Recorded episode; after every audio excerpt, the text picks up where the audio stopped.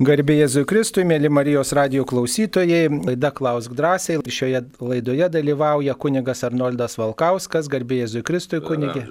Ir prie mikrofono taip pat esu aš, kunigas Saulis Bužauskas. Jau turime trumpųjų žinučių atsiųstų, taigi kunigė pasiruoškit ir skubame atsakinėti. Neskubėkime. Neskubėkime. Gerai, tai vienas štai klausimas, gal galite paaiškinti apie rytų kovos menus, ar nepavojinga jai susiminėti, ar nebus problemų? Taip, ilgas atsakymas ir trumpai, tai pavojinga iš tikrųjų, aiškiai, nes jų kilmė jau daug kartų aiškinom ir klausimą reiktų parašyti kokį, nes nežinau, galvoju, tokį pastovų straipsnelį. Jų kilmė, jeigu mes žiūrėsim visus, aš specialiai tą dieną žiūriu, pažiūrėjau, Kido, ne, ar imkim, nu ir karate, Kido pavyzdys. Dabartinis toks aktualus, kodėl sakau aktualus, tiksliau, naujas sporto, nauja sporto rušis, kurios įkūrėjas ten, aiškiai, gyvenęs netaip visai neseniai, sakysime. Bet ten visas, viskas remiasi tam tikrą filosofiją ir ta filosofija nėra krikščioniška. Tai reikia žinot, kad susidurėm su pagonišku pasauliu. Jeigu taip žiūrėti ištakas dar giliau, tos senosius kovinis metus, tai vėlgi atėjo iš kažkur, tai iš dvasinės kovos iš tikrųjų, ten paskui pritaikyta kovoms. Taigi visai kitas pasaulio matymas ir tas pagoniškas pasaulis, kuo jis yra pavojingas. Aišku, gal pats judesys ir nieko ten, tas nukėdaužis kaip ir gal, galbūt, ne, bet, ke, oje, čia yra tų, tų, tokių problematinių momentų ne vienas yra, dabar kokie jie yra. E, tai, e, kaip sakyt, kaip jau pradėjau kalbėti, ta minima filosofija arba religija, iš tikrųjų net ne filosofija, o pasaulio matymas, reiktų sakyti, kad kitaip, pasaulyje žiūra. Tai pasaulyje žiūra, kuri visą apima. Ir žiūrėkit, dabar vien toks ateimas, sakysim, į salę. Čia visi, kas ten ir karate, žinau, ir labai žymių tokių žmonių mūsų tarp, ir gydytojų ten, e, aiškiai, ir pasiekusių daug, ir, save laikančių krikščionimis, bet, krikščionimis, bet atėjusių salę tu turi meistrui nusilenkti. Ne? E, dabar ten dar ten kokį jų ten krypties tą, net ir priesaika tokia, jeigu pasižiūrėsim, jeigu kita ten, sakysim, yra mokymai, tai ką sako, pasižadu pasitik, klausyti to mokytojo ir taip toliau jo vertybių. Tai, tai kas tai yra? Tai iš vienos pusės ugdamas klusnumas kaip ir nieko, tačiau kokiom vertybėm aš pasižadu paklausti, kodėl aš turiu nusilenkti tam, tam, tam tikrą mokytoją ir panašiai ir panašiai. Tai susidurėme su visa eile tokių, e, aiškia, e, sistemų, e, veiksmų, kurie, jeigu žiūrėsime ir krikščioniškai, ir pagal Seną testamentą, niekam aš neturiu lenktis išskyrus vieną Dievą. Tai, va, tai, čia tokių, tai čia tik tai viršūnėlė tokia, o paskui eina ten gyvenimo, meno, mokymas ir taip toliau, ir taip toliau. Tai paskui, jeigu perėm dar giliau žiūrėti, tai, jeigu tam, sakysim, žiūrėjau kitas sistemas, ten, Aiškia, tai kovinius menus, kai jie pina virvutės ir ten šaukėsi demonų vardus, kad neskaudėtų nieko, nes yra kitas visai pasaulis. Tai dabar galėtume sakyti, žinot, kur, kur patenkama, nes kitas sako, aš tik sportuoju, ten duodu kojom rankom ir viskas, nieko nedarau. Bet vis tiek e, pagrindas yra būtent dvasinės kovos ir ta dvasinė kova pagoniškų būdų matoma. Tai yra. O kitas dalykas, žmogų mušti visą laiką yra negerai. Tai jo, taip, kad labai įdomi, aiškiai, boksas. Boksas neturi jokios ideologijos. Man teko kažkada laikystėje labai patiko boksas. Bet kai vienas kunigas gerai sako, kodėl tu muši žmogų? Įsivaizduoju Dievo paveikslą ir panašumą, tu jį smūgiuoji arba leidai, kad tave daužytų. Tai va, tai tokie už tai su tais rytų kovos menais yra rimtas dalykas, rimtas ten labai toks.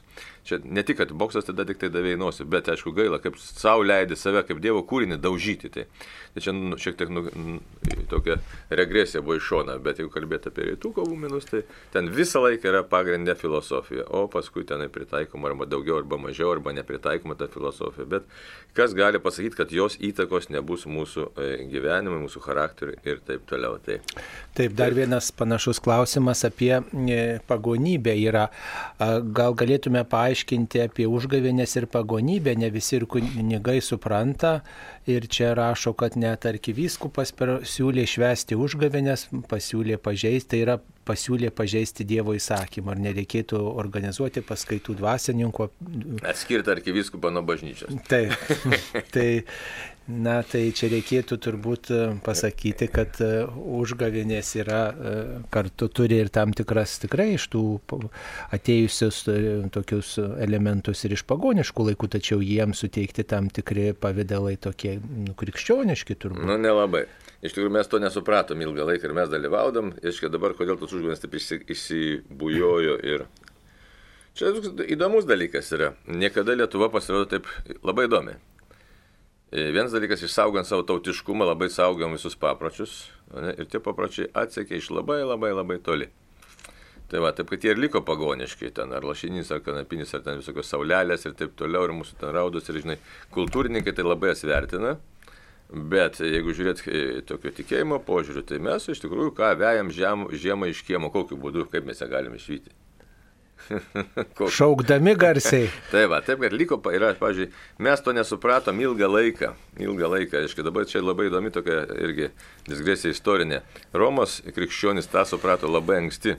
Ir ką jie padarė? Paėmė visus stabus, kurie buvo Romos imperijai, sulydė, išnaikino ir ištrynė, kad jų nebūtų atminimų teko tokią paskaitą dar Romai girdėti, reiškia, dar studijuojant, kad, aišku, kai kurie kultūrininkai dėvė, ai, ai, ai, kaip gaila, kad vat, pirmieji krikščionys naikino viską, bazilikas griovė, pagoniškas, reiškia, koks būtų buvęs kultūrinis paveldas. Tai aišku, galbūt istorijos, kultūros istorijos prasme taip, kaip muziejuje, ne?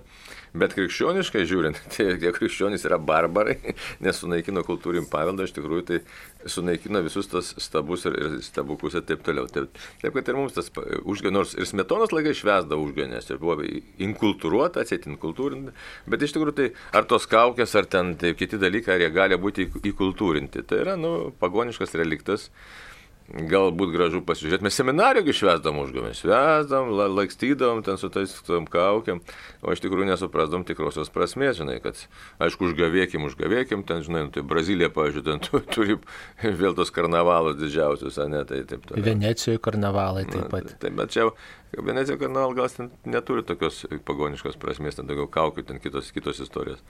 Bet pas mus tai grinai lygia tokie, sakysim, visi šitie tokie reliktai. Tai dabar klausimas būtų, ką daryti, ar švęsti ar nešvęsti, ne, tai čia toks. Bet kad pagoniškas tas atspalvis yra, tai reikia pripažinti.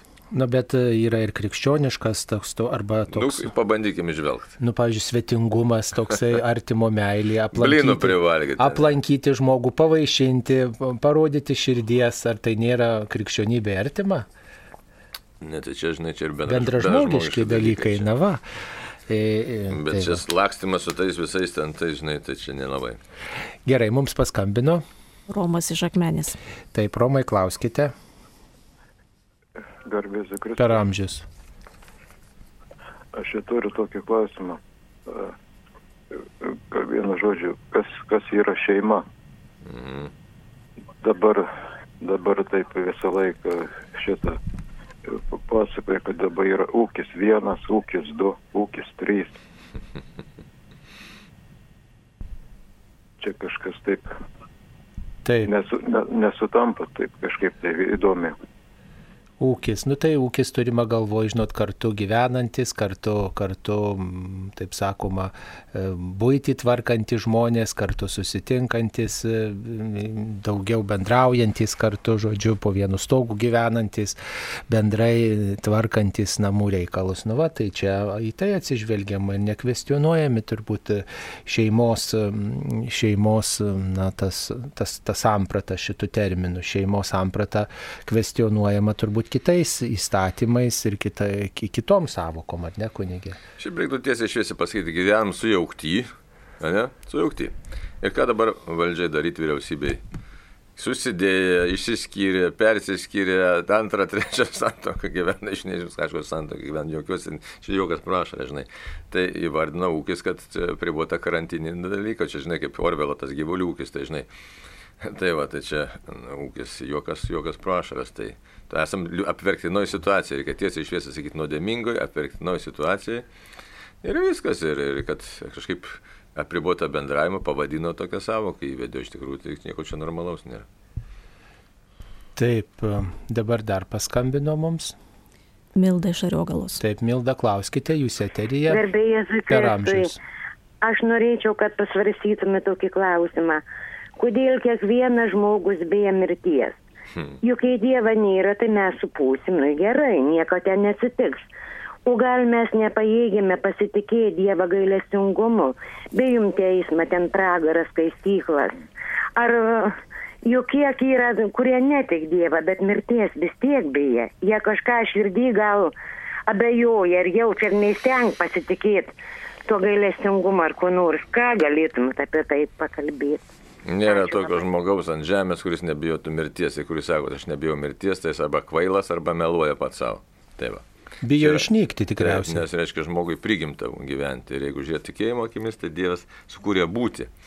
O nuodėmė per išminties knygą sako, per velnio pavydą, nuodėmė įsibrovė pasaulį, žmogaus atimė galimybę tiesiog būti amžinai. Tai va.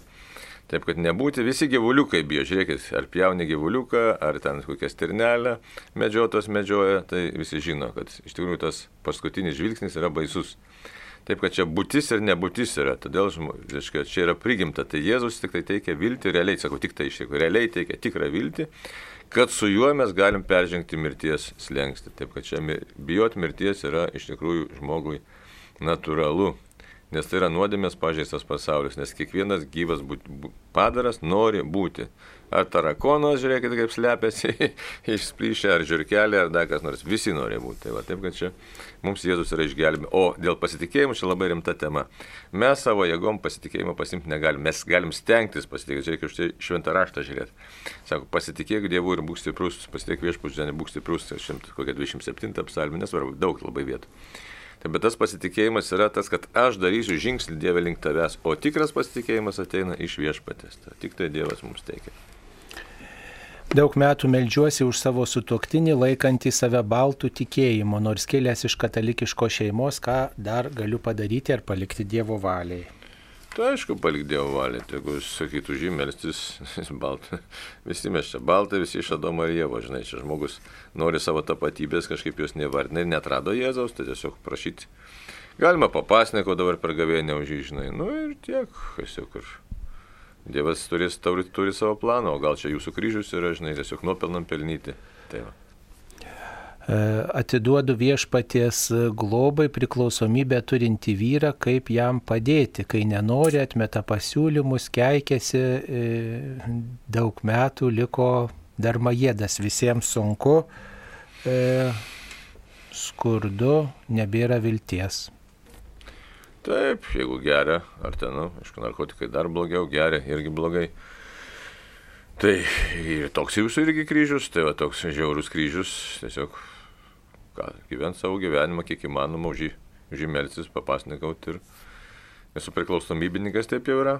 Tai kad tikėtis, kad ten greitai ar pasikeis, jeigu jis nenori girdėti, tai nebent Dievas savo stebuklą apreikš. Tai vat, jeigu jis nors kiek norėtų būti, aišku, kitas, kita situacija. Tai vat, melsis už jo atsivertimą, žinau, čia pagodos, tokios žmogiškos pagodos šitoje vietoje nelabai. Tik tai tokia kantrybė ir ištvermė Dievo pagoda. Nuopelnai Dievo akivaizdoje, ne, nu, maldingumas esu įsiskyręs, buvusioji gyvena su kitu, ar bendraudamas bei susituokęs su kita moterimi galėsiu eiti komunijos, anuliuoti santokos nėra galimybės, juk pagal Bibliją su žmona jau nesaistomas. Pagal kataliko bažnyčia aiškiai, reiškia dabar ką, reiškia bendrausiu su, su moterimi, eisiu kavos gert. Jeigu kavos, tai galite eiti komunijos? Jeigu norit gyventi kaip su moterim. Nes biblinė labai kalba labai gražiai sako, pažinęs reiškia moterį, ką reiškia pažinti. Pažinti tai reiškia santykiauti. Tai va, o bažnyčios mokymas aiškus, reiškia, kol pirmoji santoka galiojanti, tai Tai reiškia, jūs negalite toktis, anuliavimas santokos, ką reiškia? Tai yra bažnytinis teismas, kuris svarsto, Įmanoma ar neįmanoma paskelbti tą santuoką neįvykusią arba negaliojančią, reiškia, kol kitaip nepaskelbta, tai aiškint galiojantį. O čia reiktų pasitikėti bažnyčia, nes bažnyčia yra šventosios dvasios vedama. Jeigu paskelbtų, aiškia, aiškia, bažnytinis teismas, tai tada sąžinė ramiai. Tai čia kas gaunasi, dabar jūs šiek tiek peršokot bažnyčią ir pats savo pagal šventą raštą e, svarstot. Bet iš tikrųjų, paštas Petras ką sako, ne tik tai negalima pačiam, reiškia, priimti absoliutaus sprendimo, e, nagrinėti šventą raštą, nes Sako, nei viena švento rašto pranašystė negali būti privačiai traktuojama. Tai. Taip pat klausyt bažnyčių šitą vietą. Na, dar vienas e, šeimos e, toks aspektas, kiek teko bendrauti su tikinčiaisiais, jie nesupranta nei Stambulo konvencijos, nei partnerystės įstatymo esmės. Vietoje abstrakčių išvedžiojimų paaiškinkite, prašau, konkrečiais pavyzdžiais iš kitų šalių praktikos. Nu tai matot, čia iš kitų šalių praktikos aiškinti būtų keblu, bet tiesiog mes ir laiko neturime, bet jūs klausykitės Marijos radio, mes skiriame tikrai pastaruoju metu įvairių laidų, ypač aktualių laidoj, gyvybės medžio laidoj, šiai temai įvairių, įvairių tokių laidų ir, ir tiesiog, na, kalbam tom, tom temom, kas yra ta Stambulo konvencija, kokios čia blogybės, kokie iššūkiai yra, kad kad e, ta Stambulo konvencija tai yra na, tarsi ir, ir labai gerų dalykų mojuojama, kad prieš smurtą pasisakykim visi, kad smurto prieš moterį nebūtų, tačiau už to slypi, kaip pavyzdžiui, Ispanijos patirtis rodo, tikrai tokia ideologija, kad visai atsisakyti savo tokių litiškumo sampratos, kad tai pasirinktinas dalykas ir panašiai.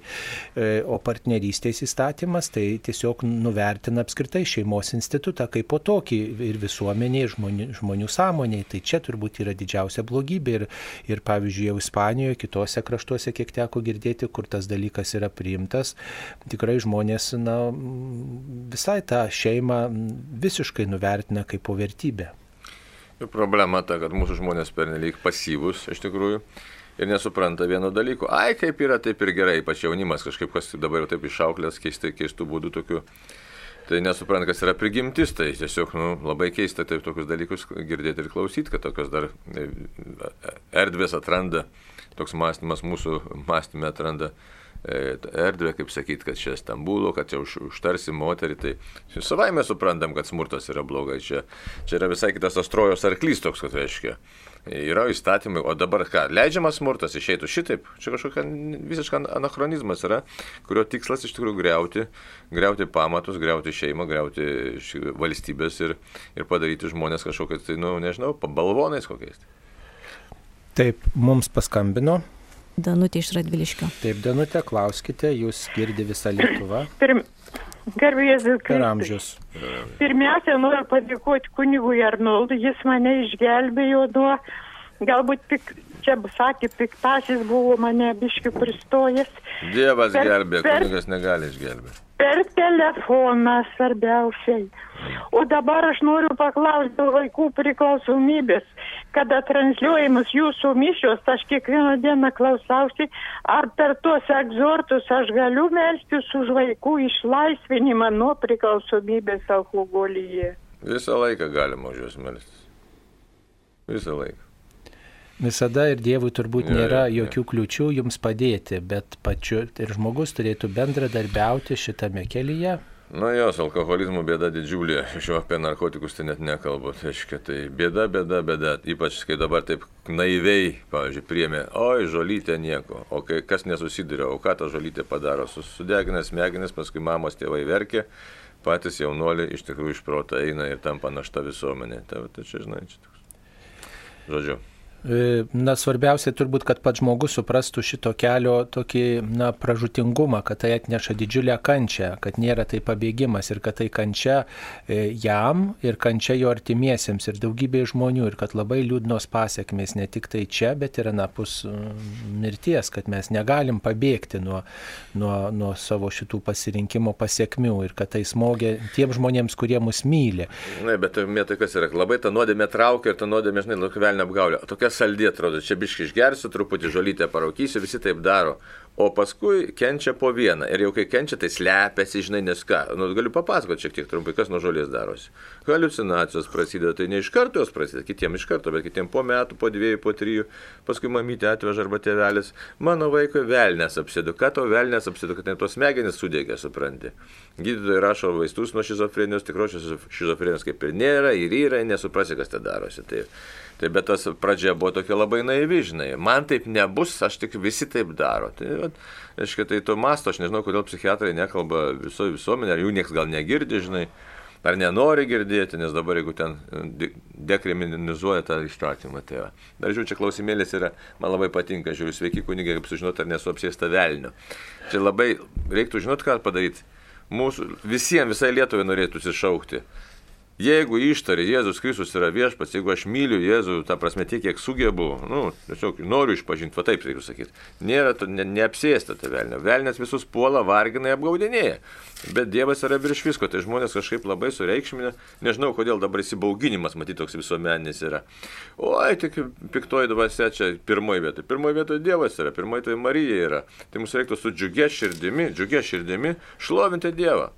Ir pasakyta šventas raštas, reiškia, artinkės prie Dievo, Dievas artinės prie jūsų, priešinkės velnį, velnės bėgs nuo jūsų. Tai baigim vieną kartą su šitą temą, kad man net apsėda velnis. Nu, madinga yra. Aišku, nereikia. At... Ai, pasitikrint galit. Klausimynas ir egzorcistas.lt. O, aišku, labai įdomu ir tais pačiais katalikais. Šia klausia, ar nesu apsėsto velnio, ką nors pasakai ir beldžia į stalą tris kartus, kad tik man to neatsitiktų. Tai čia to, tai, tai, tai ką su tokiu žmogum šnekėti, žinai. Nu tai čia matot, sumišę yra prietarai su mūsų Na, tai tikėjimu. Va. va, tai jeigu taip e, struktūriškai atsakyti, jeigu neturi jokių prietarų, pas burės nesilankai, pas, pagal klausimyną gali pasitikrinti, ne, yra e, mūsų tas klausimynas įdėtas. Pasitikrinti pagal dešimt dievo įsakymų ir ramiai gyvenk. O jeigu ką nors pridirbai, marš iš pažinties, atsižadėti ir tada gyventi ramiai toliau. Taip, mums paskambino. Zita iš Kretingos. Taip, Zita, klauskite. Gerbėjai. Per amžius. Ir jums norėčiau paklausti jūsų. Dabar e, iš sausio pirmos į antrą, man bundant, aš pamačiau virš mano lovus mėlynus debesėlius. Kas tai galėtų būti? Debesėliai buvo, nu, nekreip dėmesio, Dieve mano. Va, ant, ką tik atsakiau. Ne jokių vizijų, nei nieko, nekreip dėmesio. Aš esu. Ir dabar antras dar klausimėlis kas tai galėtų būti. Aš miegu ir išgirstu balsus, net pašoku iš miego. O labai melžiuosi kiekvieną dieną, kiekvieną dieną einu į Marijos radiją, į bažnyčią ir nežinau, kas tai galėtų būti. Nekreip dėmesio, gali būti psichikos dalykai, tiesiog žmogus nedamėgojęs visokios vizijos, halucinacijos, gali būti kaimynai, gali būti vėl negundimai.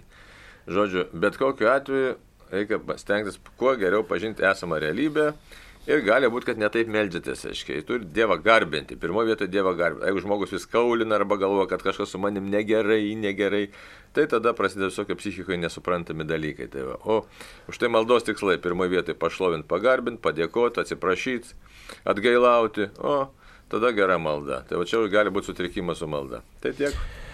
Taip, ar gali blaškyti savižudžių sielos, baladoti, dėjuoti, sugrįžti į buvusius namus? Praėjo dar labai mažai laiko matyti nuo savižudybės artimo žmogaus. Struktūra yra tokia, pagal bažnyčios mokymą aiškiai. Mirusių siela keliauja pas Dievą, eina į teismą ir čia negrįžta. Jeigu beldžiasi, reiškia beldžiasi piktasis. Tai. Taip, mums paskambino. Prašau Zikris. Per amžius. E, aš norėjau paklausti tokio dalyko. Mm, aš turiu nuostabų vyrą, bet kokius penkis metus jis atsisako įti iš pažinties. Ir sako, iš pradžių jis imdavo komuniją be išpažinties sakramento. Tuomet aš jam švelniai priminiau, kad tu jau senokai buvai išpažinties. Ir jisai sako, aš nejaučiu poreikio įti iš pažinties, bet nu kartais būna visko šeimoje ir neskaičiuoji tu kito nuodėmių, tu žiūri savo nuodėmių bet mes esam priėmę santokos sakramentą ir kai jis nebeina iš pažinties ir komunijos, tiesiog jau pradėjo nenorėti eiti į bažnyčią savaitgaliais, bet, bet, bet vis tiek aš dar jo prašau, kad mes eitumėm, nu ir mes dar vis einam, jis pasėdi, paklauso Dievo žodžio, aš taip manau ir noriu paklausti, kaip man toliau elgtis. Hmm. Na, situacija kokia sudėtinga, tai matai, jums tai nedėra apleisti jokių būdų šventų mišių, o dabar su juo įdomiai, čia koks tas charakteris, galima su juo pabandyti pašnekėti ir nuoširdžiau, kaip tu matai pasaulį, kaip tu matai gyvenimą, gal pasikokių įsiskaudinimų yra, tai čia dabar žinai jau, hm, aišku, už jį pasimelst, čia toks įvairialypis dalykas būtų. Galvojant už tą, tą tokią temą, žinai, pasimelst už jį, papasnikaut ir pašnekint Bet aišku, be pykčio, piktis nieko neduos tikrai. Tai va, be pykčio, kokios tos vertybės pasižiūrėti, gal pabandyti tiesiog labiau įsijaus, pašnekėti, ko jis iš vis gyvenime, kuo jis gyvena. Gal jis nesijaučia suprastas, žinai, čia įvairiai gali būti. Tai va, kas ten tos vaikystės, jaunystės žaizdos, kokios gali būti. Kodėl jis, nes kiek to užsidarimas, žinai, su metais šeimai gyvent irgi kiekvienas įlenda į savo pasaulį. Tai va, tai čia toks, čia kelis dalykus reiktų gal matyti švelniai, taip, ne savo nesižadėti savo tikėjimu, su juo pašnekėti, pasakyti, man tai brangu yra, nu, vat, jeigu tikrai geras vyras ir vienas kitą supranta, tai čia tikrai lengvesnis tas uždavinys toks yra. Tai va, tai va, tiesiog įvairių kelių paieškoti, kad už jo sielą pasimelst, nu, žodžiu, Piktis tai tikrai pirmas dalykas, piktis ir, ir neapykanta nieko neduos, nulaidžiavimas, kad nesimelst irgi nėra, gerai, nes save prarasit, tai va, ir vis laikiausi diskomfortą. Tai va. Ir iš tikrųjų ir Dievo akivaizdai tas nėra gerai. Tai tiesiog pasakytų, man tai yra svarbu, rūpinasi savo išganimu, o kaip tu galvoji. Nu, tiesiog va, taip, toks, tokia kelias vienu žodžiu ir, ir ieškojimo toks kelias. Tai laimina Dievas jūs. Ar dera su, su tuoktiniams kaip auka per gavėnę atsisakyti lytinių santykių? Čia kaip papaštalas Paulius sako, galima kuriam laikui susitarus, kaip auka galim, bet susitarus. Tai turi būti abipusiai priimtinas sutarimas. Na ir dar panašus, kaip vienyti su Jėzaus auka. Taip. Čia matot visa dvasingumo teologija. Visa. Labai klausimas atrodo paprastas ir kad, nes katekizmas sustatytas labai, kaip sakyti, koncentruotai. Tai kaip? Paprastai pasakius, tai priimt, kad Dieve yra gyvenime įvairių kančių, įvairių rūpeščių ir aš visus juos tiesiog noriu sujungti su tavo kryžiumi, tiesiog, tiesiog kaip. Pirmiausia, tai kaip atgalą už savo gyvenimą, už savo atgalą reikia būtinai. Nes Jėzus atėjo tam ant kryžiaus, kad nugalėtų nuodėmę, nugalėtų šitono darbas. Tai Paskui galima tiesiog intencija čia turi būti Dieve, kad mano tiesiog vargelių įvairiai įvairiausiai klaidų yra, mano įdų visokiausių yra. Tiesiog, kad visa tai nu, vyksta ne šiaip, bet jungiu su tavo auka. Tai tiek. Taip, dar čia pana, toks klausimas, palenkia save žmogui, norėdami gerai sutapatinti su klusniuoju Kristumi. Čia. Taip, tai čia sudėtinga, nes kažkiek nuolankumas, ne, nes mūsų kančios mus mokina kaip, arba mes galime maištauti, arba galim būti nuolankus, ne? Ir sakyti, Dieve tavo valia nėra lengva nuolankumas. Tas nuolankumas vėl neturi būti kvailas kažkoks. Tai, kad, sakysim, jeigu man kažkas skauda ir aš nieko ten nedarysiu, pas gydytus neįsiu, tai vos ne savęs naikinimu užsimsiu. Tai, taip, taip, čia už tai e, tema labai sudėtinga yra. Tai va, kiek aš žmogiškai įdėsiu pastangų išspręsti problemas, kiek e, paliksiu Dievui. Net ar čia fideizmas bus, ar bus visiškas nepasitikėjimas Dievu, tai čia nu, yra kelias nelengvas toks kelias, tas atrasti tą kryžiaus, kryžiaus slėpinį. Tai Taip, mums paskambino Zofija iš Klaipėdos. Taip, Zofija, klauskite jūs eteryje. Per amžius. Sakykit, čia man toks klausimas, iš, nu, persikiojo, skausmas. Aš neturiu nei pykčio, nei keršto. Mirus mano vyrui, aš esu nematanti ir, nu, mirties dieną aš buvau palikta, nu, ir jos šeimos narių ir savo giminės. Viena teko kreiptis nu, pasvetim žmonės ir, ir vien tai prisiminus man labai skaudu ir aš tikrai, ne, kaip, kaip man dabar, pavyzdžiui, su metinėm pasielgta. Ar, ar, ar, ar kviesti juos, ar nekviesti į metinės. Tai, tai va toks, kviesti, nu, toks va, Taigi jie gal nepiktybiškai paliko, nu, nepagalvojo, matai, žmonės nesupranta jūsų situacijos tai kiekvienas sprendžia pagal savo, žinai. O jeigu tikrai jūsų nepaniekino, nepažemino ar ten ką, nu tiesiog, tiesiog paprašyti viešpatie Dievę, nu padėk man atleisti, žinai, nu tiesiog toks vajo. Čia, čia matot, jeigu būtų kitą dieną jūs palikėt, nebūtų tai buvęs skaudu, suprantat, čia toks užaštrinimas gausit, čia toks reikėtų Dievę, tiesiog, nu padėk man atleisti, nes nepaėgiu pati, padėjai jiems atleisti, nepaėgiu, nes jaučiu nuoskaudą. Čia toks įsiskaudinimas yra ir kuris paprasčiausiai, kadangi jautri situacija buvo, jūs dabar graužia. Tai va. Nes piktis yra dar labiau įsiskaudinsi, žinau, kad jeigu nedarysit ant to metinio ar nekviesit, tai tikrai paskui ir gyvensit likusi gyvenimą su to, su to pykčiu. Tai, tai bus pačiai labai sunku ir graušit, graušit, graušit. Toks, nu, galim sakyti, velnio, velnio toks diglys. Tai, tai Dievo išlaisvė, Marija atiduoti rimtai. Bet savai žodžiais, maldoju, labai padeda. Jėzau atiduodu tau šitą. Ir kartu tiesiog, kol, kol praeistė. Taip, dar vienas toks klausimas apie bioenergetiką. Kas tai yra? Ar tikinčiam tinka tuo užsiminėti? O, tai bioenergetika, ekstrasensorika, šamanizmas, šamanizmo atmainos yra tik tai, kadangi mūsų žmonės nuo to šamanizmo buvo nutolę, tai dabar labai įspūdingai atrodo, ateina tau su virgulė, ką nors pasako, tai ta, ta pat, vienu žodžiu, netinka užsimėti jokių būdų. Čia mano kaimynės rašo viena, vieni e, klausytojai, kad kaimynė žiūri TV laidas ekstrasensų mūšis ir tuo tiki, kaip joms atsakyti.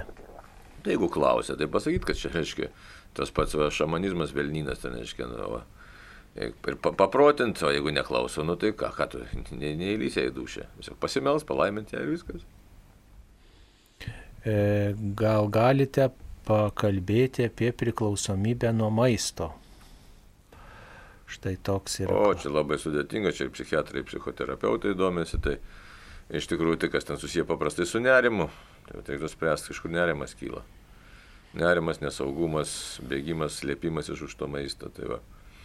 Aiškia, nes ne, nėra tik tai, kad vien tik tai nori žmogus čia noras pavalgyti, kažkas yra sudėtingesnė, tai reiktų žiūrėti, ar net leidimas, koks čia labai gilus dalykas, ar mama, tėvas, o čia struktūra kokia. Mama buvo nesaugi, ne, nemylėjo, isterikuodavo, arba tėvas alkoholikas, arba šiaip agresyvus buvo. Čia paprastai dėl to šiek taip, taip nu, prabėgom kalbų greituoju, nes daug, daug tų klausimų. Tai. Taip, ar turiu teisę papriekaištauti žmoną, jeigu ji nori vaiko, būtent dukros, o aš sakau, kad nesvarbu, dukra ar sunus, svarbiausia dėkoti už tokias brangias dovanas. Tik tai reiktų klausti, kodėl priekaištauti? Pasišnekėti su meile, pasitart gerą pasakyti, nu, paglostyti nu, tai bus paprasčiau. Priekaištavimas jau pati nuostata yra neteisinga. Reiškia, aš teisesnis, žmona neteisesnė, tai bus blogai. Jei priekaištausit, bus tai. blogai. Bus konfliktas tiesiog, konfliktas. Ne, nemeilė, nu, tai niekas nenori gyventi nemeilėje. Tai tas bus Taip, kaip galit pakomentuoti žolininkė Žanos Jankovska jos veiklą? Ar teko tokią girdėti? Kažką girdėjau, bet nežinau, ką reiškia žolininkė pirmiausia, ne? Ar tik tai žolytės, ar jas užkalba. Jeigu žolytės mūsų, taip sakyti, renka vaistažolės ir jas dalina, tai gražu, o jeigu ten yra bent koks, bent kokia maldelė užkalbėjimas, viskas aišku, ten yra jau atmaina, kaip sakyti, burtininkavimo, šanimanizmo raganavimo. Gavau 15 cm dydžio kryželį tik su Jėzaus galva, kurį padėti ar kam atiduoti. Gal kas nori, tai nežinau.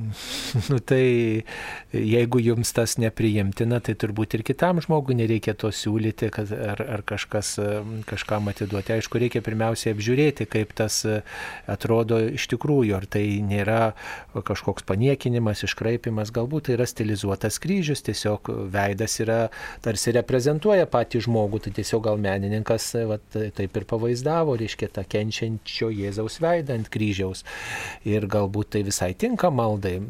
Va, tai jeigu jums netinka, visada galima sudeginti ar, ar žiūrint iš kokios medžiagos tas kryželis padarytas. Jei ten iš, iš nedegančios medžiagos, tai tada yra sunkiau, bet čia turbūt tų nedegančių sakralių dalykų toksai e, naik, sunaikinimas tam tikras visada yra tam tikra problematiškas. Paprastai atiduodama į perdirbimą, jeigu įmanoma iš, išardžius, išardžius tą sakralų pavydalą, pagarbiai išardžius, ne jeigu mes net nenaudojame. Bet e, jeigu daiktas pašventintas, tas visada yra, visada yra truputį skaudu žmogui. Aišku, visada yra būdas tiesiog palikti kapinėse, žinot, už, užkasti yra, štai rožinį, pavyzdžiui, užkasa kapinėse, jeigu ten metalinis ir tiesiog sakralus dalykas pašventintas ir neišmeta. Anksčiau būdavo pečiai namuose, tai būdavo paprasčiau, iš tikrųjų, aiškiai. Bet ne viskas dega. Metai, jeigu kas ir nedega, bet metalas įsilydo, tai tas įsilydęs metalas jau paskui tada jį pagarbiai gali kažkur tai palaidoti. Tai va. Tai va, matot, pasiūlym tokį spektrą jums, ką, ką pasielgti, kaip pasielgti, bet pa, pasitarkit su parapijos kunigu, nuneškit, parodykit ir tiesiog galbūt kunigas kam nors ar padovanos, kam tas patiks dalykas ar panašiai. E, taip, mums paskambino. Onutė iš Kauno. Taip, onutė, klauskite. Garbėjus Kristus. Per amžius. Nu, tas klausimėlis mano gal ne į šitą temą, kur jūs čia ją vedat Labai gražu, aš kiekvieną sekmanį klausausi čia iš mūsų šeimos. Man buvo šeši metai, tais laikais, tai buvo 46 metais, vienu žodžiu gimė broliukas. Ir aš nieko nežinau, mane mamytė vedėsi į bažnyčią pasipuošusi ir nešėsi žvakę ir susisukusi į baltą kažką tai, bet man ten nieko nerodė. Jis mane pasodino bažnytėlį ir liepė laukti, aš sako, išeisiu, tu mane matysi.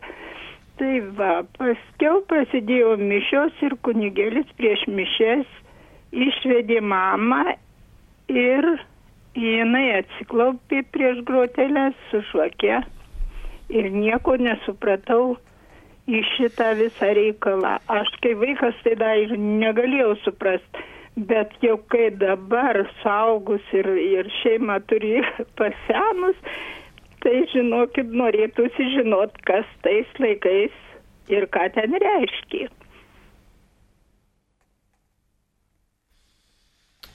A, ten gal buvo toks aiškia, įvesdinimas po gimdymo iš tikrųjų buvo vienu metu, paskui buvo panaikinta, atšaukta, reiškia, kad Kažkodėl tai buvo tas toks kaip ir bobinčius vadinamas, toks, aiškia, iš tikrųjų tai neteisinga tokia buvo tradicija, bet čia nieko iš, iš esmės su tikėjimu net bendro neturėjo, bet kažkodėl tai gimdžiusią moterį, paskui buvo lyg ir tokios apieigėlės, kad va štai vėl gražina į parapiją. Tai čia, aiškiai, daugiau nuoroda į Senąjį testamentą.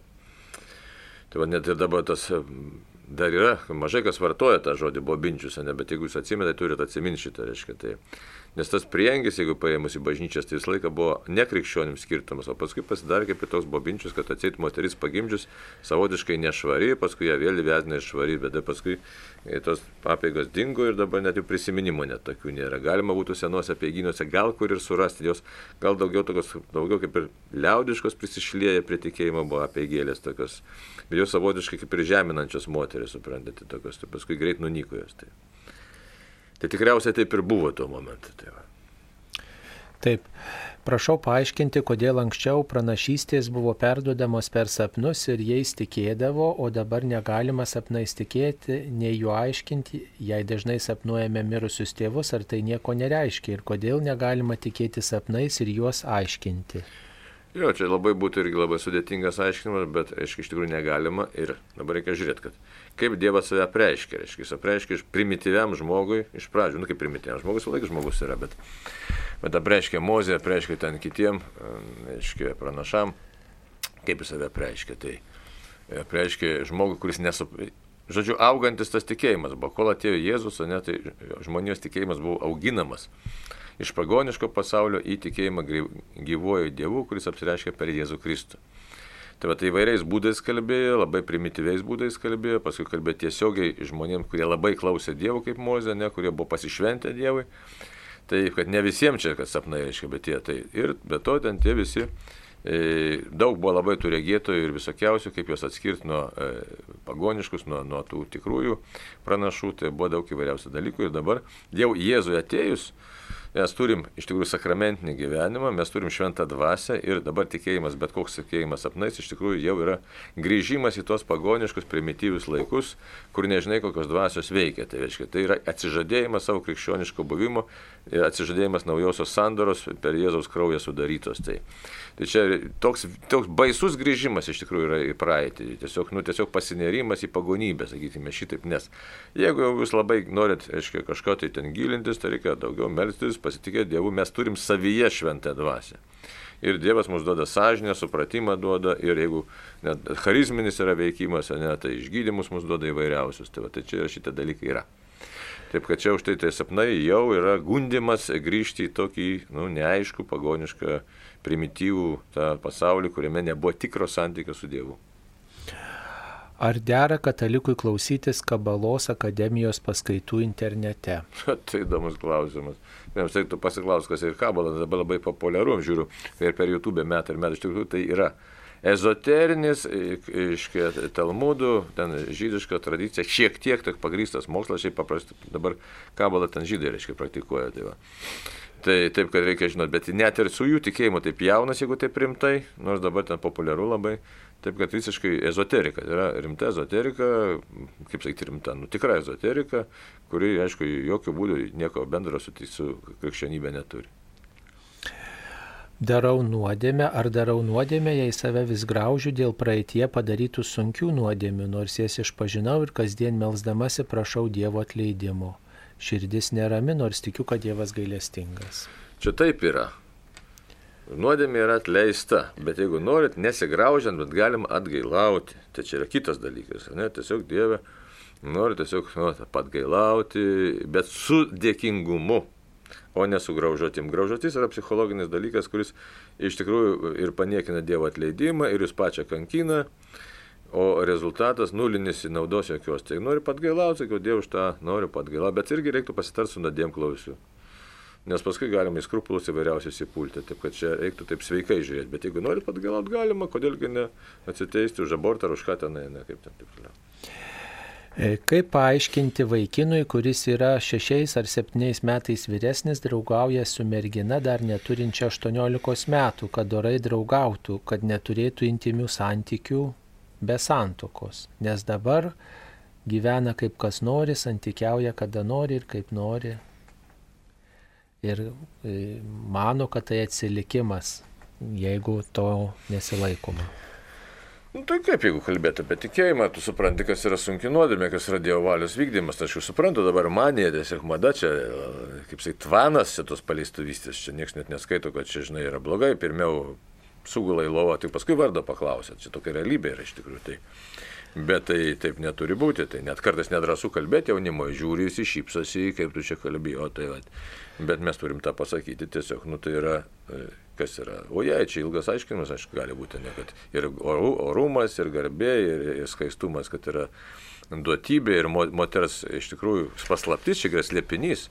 Niekas to nesupranta, dabar galvoju, kad lytiniai santykiai tai čia kažkoks tai tas pats, kaip, nežinau, kaip pavalgyti. Valgymas yra iš tikrųjų Dievo dovana, o lytiniai santykiai yra slėpinys didžiausias, tai čia yra gyvybės pradžia. Niekas to tiesiog nebando pasakyti, tai tiesiog reiktų ilgai pakalbėti ir, nu, tiesiog ne, ne tai, kad kategoriškai aiškinti, kad čia daryk ar nedaryk, bet kodėl tą reikia daryti, čia reiktų išaiškinti, tiksliau nedaryti. Apie pasiekmes turbūt irgi reiktų kalbėti, kokios pasiekmes žmogui, kuris save išbarsto, išdalina be įsipareigojimų ir paprastai e, žmonės dėl to tenka iš tų pačių jau šiek tiek vyresnių nei jaunimas žmonių girdėti, kad štai dėl to gailisi, kad per daug anksti save išdalino ir kad tie santykiai prasidedantis nuo intimių santykių dažnai nuveda į labai gilius konfliktus, į skirybas, į nepagarbą. Ir, ir tos skirybos, nepagarba ir, ir, ir tas, tie konfliktai labai sužeidžia žmogų. Tai ar tu nori dabar džiaugtis ir, ir neriboti savęs, o paskui dėl to visą gyvenimą graužtis, ar tu nori, jei taip, tai... Ir be to čia instinkt, instinktinis lygmo, tik tai, žinai, nėra to žmogiško demens visiškai, taip kad, nu, tai aišku, čia matai auklėjimo spragos yra, tai ką daryti. Taip, Per Marijos radiją mišių transliacijos vyksta iš įvairių bažnyčių. Neteko girdėti iš Vilniaus Šventuo Paštalų Petro ir Povilo bažnyčios.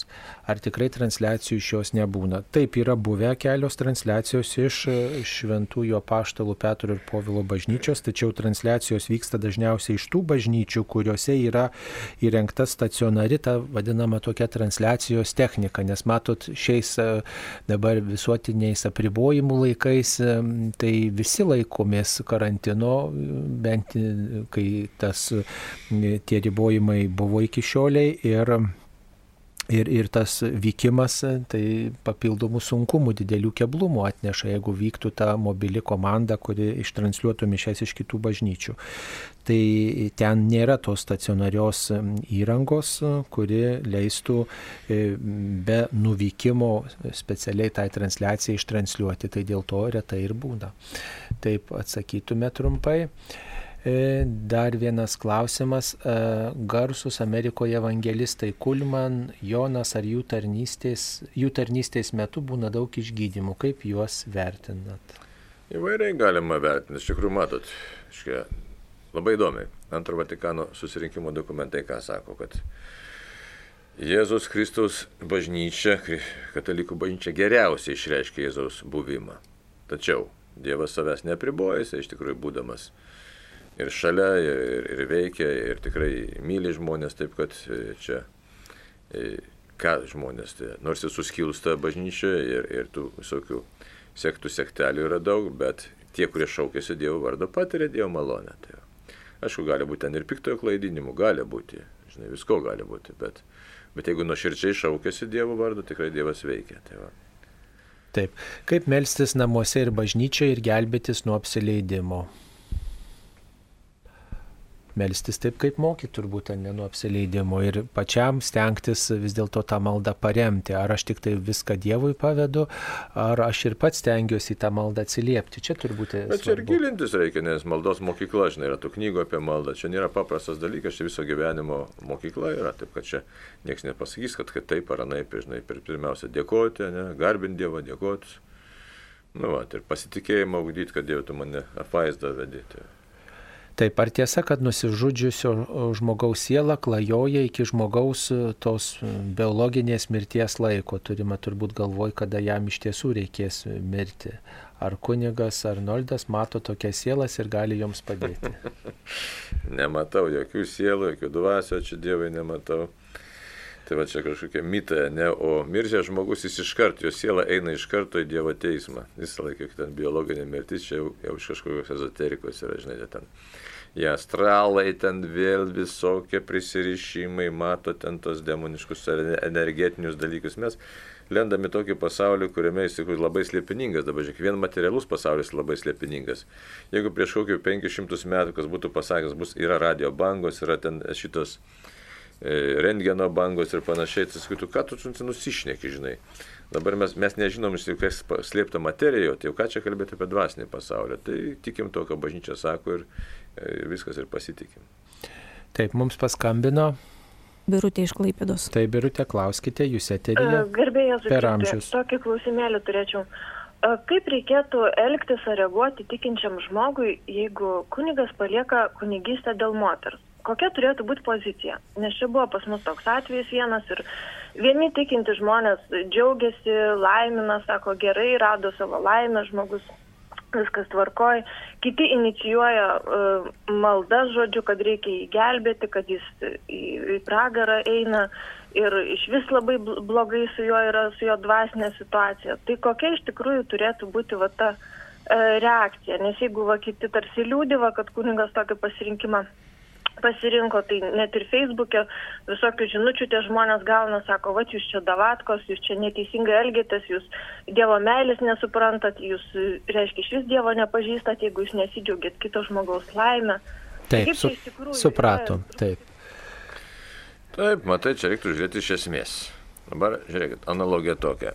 Jeigu žmogus įsiskiria savo šeimą palieka, tai džiaugsmas ar liūdėsys? Niekas nepasakys, kad džiaugsmas. Dabar kunigystės pašaukimas yra irgi nelykstamas pašaukimas, jeigu tai paėmus. Tu kalbi Jėzaus vardu, gauni iš tikrųjų tai e, kunigystė nešaukiam Melchizedeko būdu.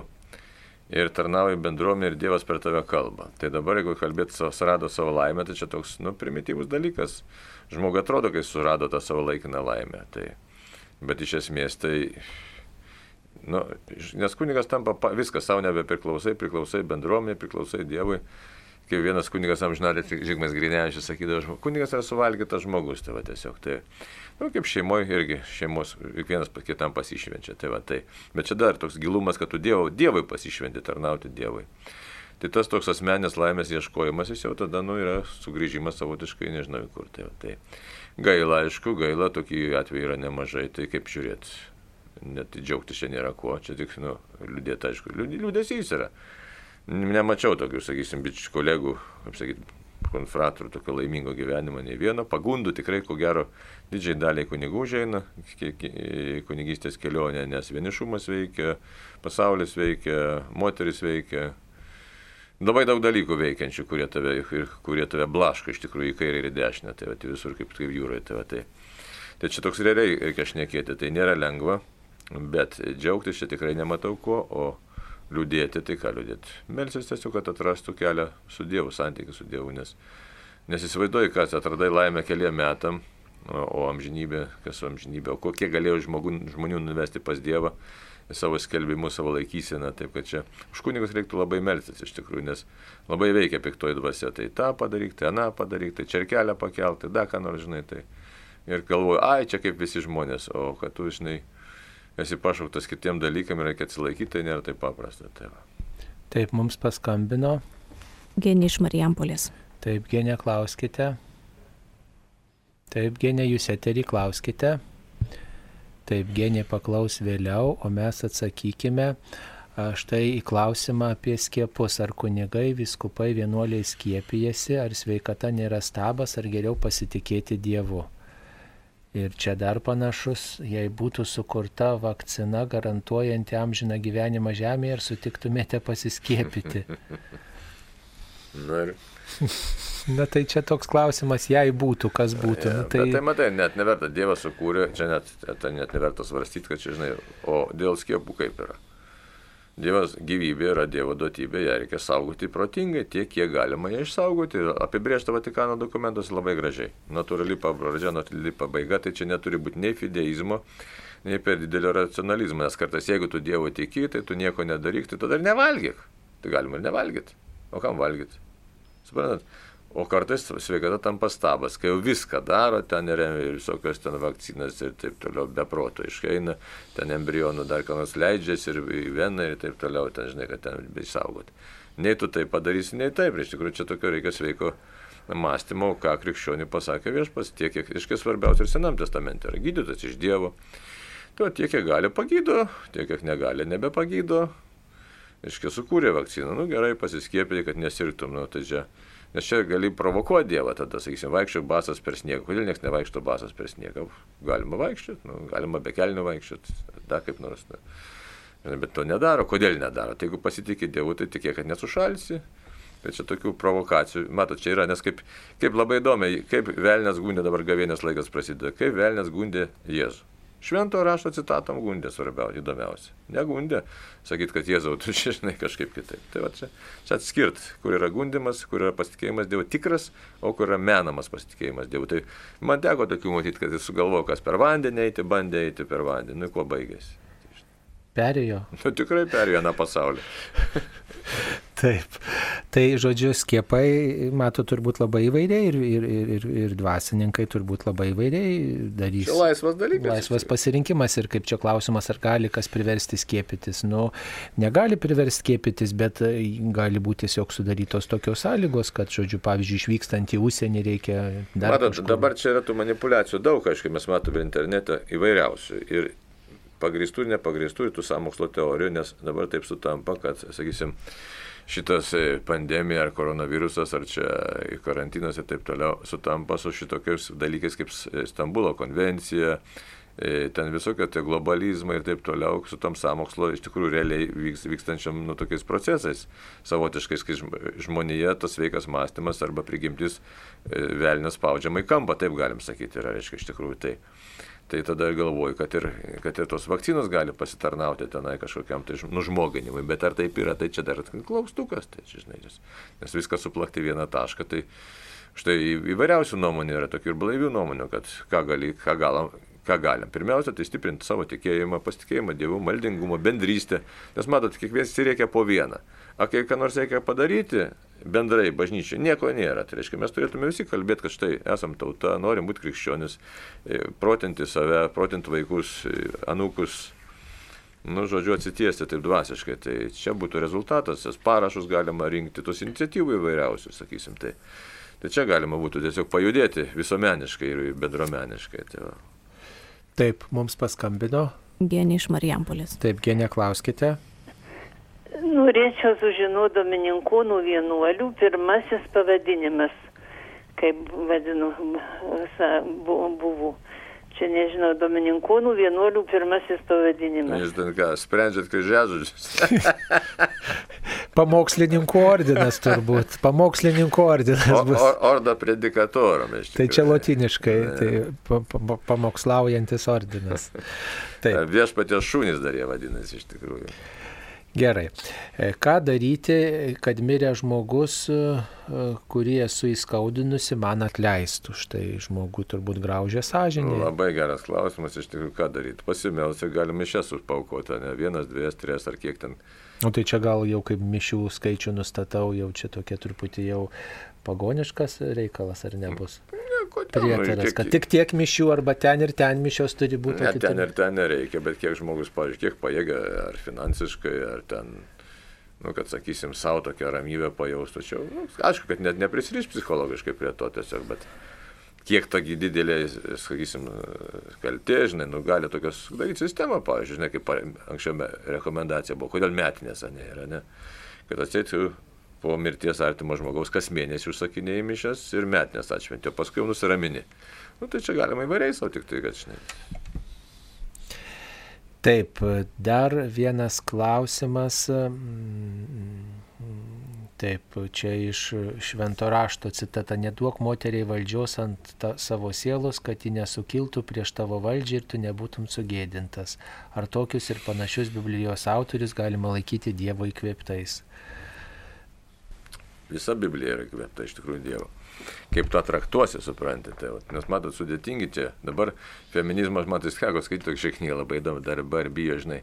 pasakyti taip ir kitaip. Bet vyro ir moters santykiai yra sudėtingi ir jie nėra paprasti. Ir dabar mes gyvenam tokį laikmetį, kai vyrai nustoja būti vyrais, ne tai. Ir moteris kenčia dėl to, pačios pyksta ir labai daug iš to problemų kyla, nepilnavertiškumo daug. Taip kad čia, čia labai įdomu, koks tas buvo, nebūtinai, kad, aiškiai, galvot, pažemintas. Seno testamento laikais moteris nebuvo pažeminta, Deborą prisiminkime, Juditą ten prisiminkime reiškia, kitas ten taip, kad, reiškia, tačiau reikia žinoti distanciją, ne, ir kiek, kas kaip turi kam valdyti, nes labai daug manipulacijos, sakysim, Jezabelė ir Tuosetą per Nabotą vynogyną, ne, kaip užvaldė karaliaus Ahazo. Taip kad čia, čia reikia kalbėti visai kitus dalykus, koks tas turi būti tikrasis santykis. Taip, įsijungus Marijos radiją rožinio metu per vidurį trečią slėpinį ir galima įeiti į maldas, ar tuo atveju geriau savarankiškai pradėti rožinį iš pradžių. Galima įsijungti ir melstis kartu, nes e, tiesiog jūs dalyvaujat kartu vat, maldoje ir tiesiog rožinį meldžiantis, ne tik tai žmogus meldžias už save, bet ir už kitus žmonės, tai tiesiog įvairiai galime, kaip jums sąžinė šito vietu turbūt diktuoja. Nereikia turbūt būti prie to labai... Paprastai, ką nori tą daryti, laisvė turi būti. Prisirišti. Taip, e, mums paskambino. Bronislava iš Baisogalos. Taip, Bronislava klausė. Per amžius. Aš norėjau paklausti, aš nuodėmę darau, ne? Kad buvo atvejis, kad mūsų giminiai buvo, kad sirga gyvenaitė ir ją tik aparatais laikė beveik metus laiką, o šiaip tai jin būtų mirus tai aš prašiau vaikams, sakiau, man šito nedarykit. Jeigu man jau vaistų nėra, tik tai aparatai, kad pajungti man gyvybę palaiko, nuskausmų, jeigu skausmuose, tai kad leistų vaistus, bet dėl gyvybės palaikiau, kad man nedarytų. Nežinau, aš nuodėmę darau. Ne, ne, teisingai šiais. Užsispyrėliško gydimo taikymas čia toks dalykas yra, kad jau tikrai, kai nebėra jokios vilties, tiesiog skausmus numalšinti reikia turbūt ir maitinti žmogų, viską, bet, bet to užsispyrėliško gydimo turbūt taikyti ne, ne, nereikia. Ne, čia beprasmiškas, nes ten yra... Ne. Mintis tai tokia bažnyčios natūraliai pabaiga, tik tai kilniai, kad žmogus išeitų kilniai. Ką reiškia kilniai, kad jis nekentėtų labai didelių skausmų, kad gautų sakramentus ir iškeliautų susitaikęs. Tai va. Taip, iš kur atsiranda religiniai fanatikai, kaip tikėjimas virsta fanatizmu? Nu taip, jis ir virsta, kaip virsta, kai žmogus įsitikina savo dalim, nemato visumos, reiškia, jis kažkokią tai pasigauna kažkokią tiesą, ją sureikšmina ir galvoja, kad čia, čia mano yra, mano, pasidaro mano tikėjimas, o ne Dievo. Tai čia toks kažką tai išoperuoja. Nu, sudėtingas šia klausimas būtų. Turbūt be artimo meilės čia ja, svarbus. Ja, ko gero. Taip, ar per radiją transliuojamos Vatikano žinios yra ta pati laida transliuojama per Marijos radiją. Taip, Vatikano žinios transliuojamos ir kitais kanalais yra tos pačios. E, taip, Kristui gundimo metu buvo rodomos karalystės ir žadama valdžia, jeigu jis pagarbins piktąjį. Tai ar žemiškos karalystės priklauso ne Dievui, ar Jėzus buvo gundomas melagingais pažadais? Tai kalbėkime apie nuodėmę. Pasaulis nuodėmės padarktas, Jėzus atėjo iš, išgelbėti pasaulį. Tai, va. tai jis įžengė, reiškia, įžengė.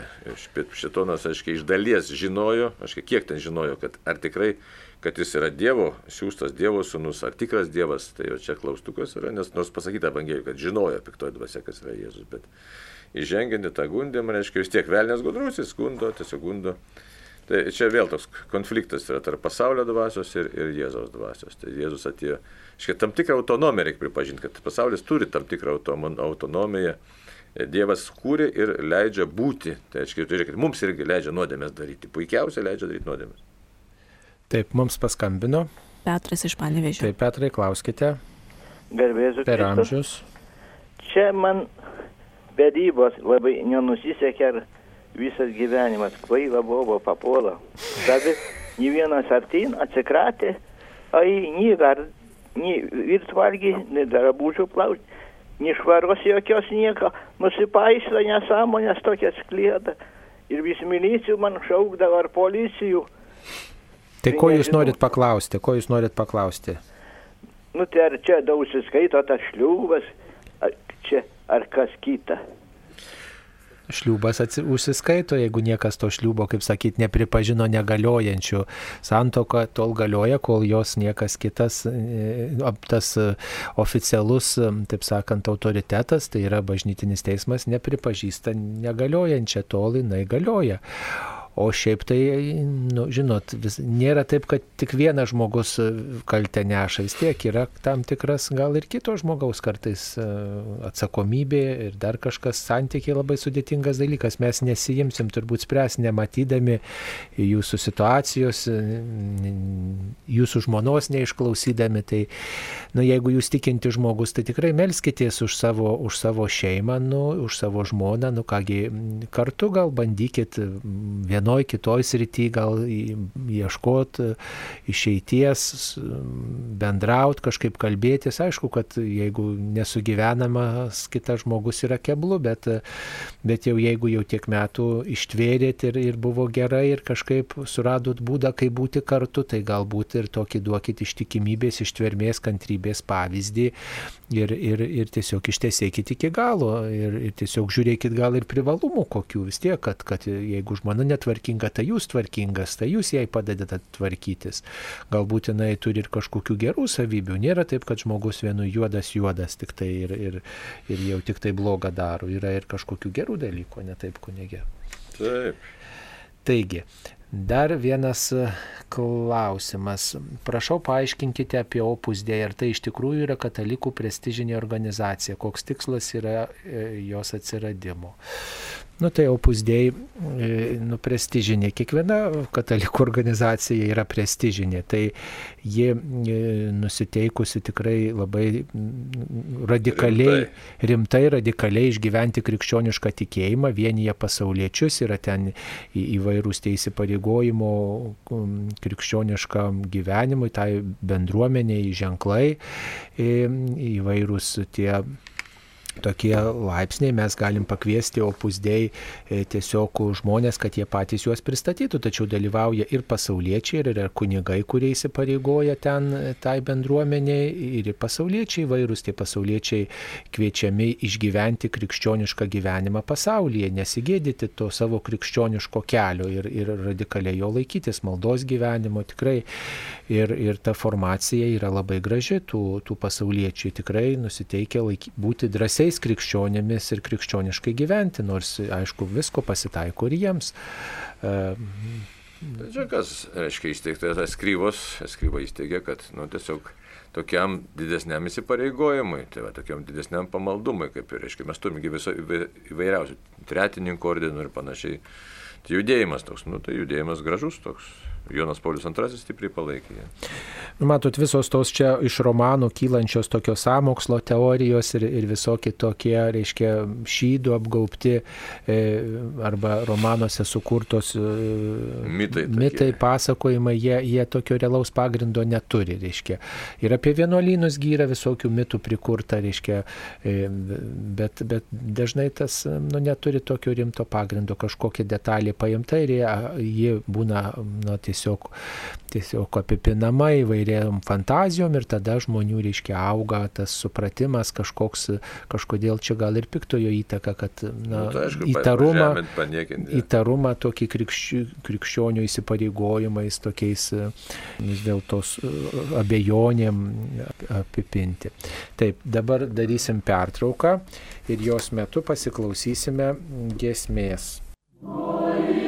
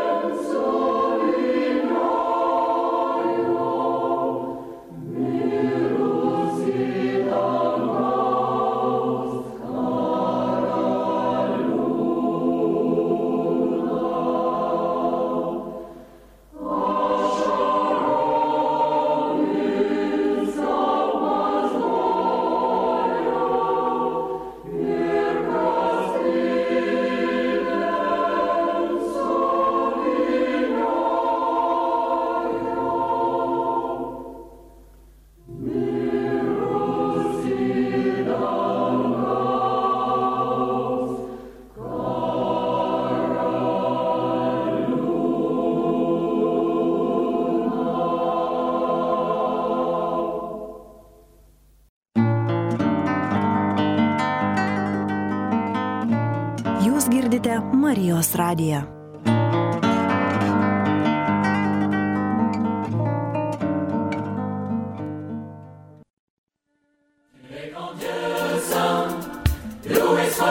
tu es grand Dieu fort, et nous célébrons Dieu de tendresse, ta miséricorde et ton amour, tu es grand Dieu. Pokalbių laida Klausk drąsiai.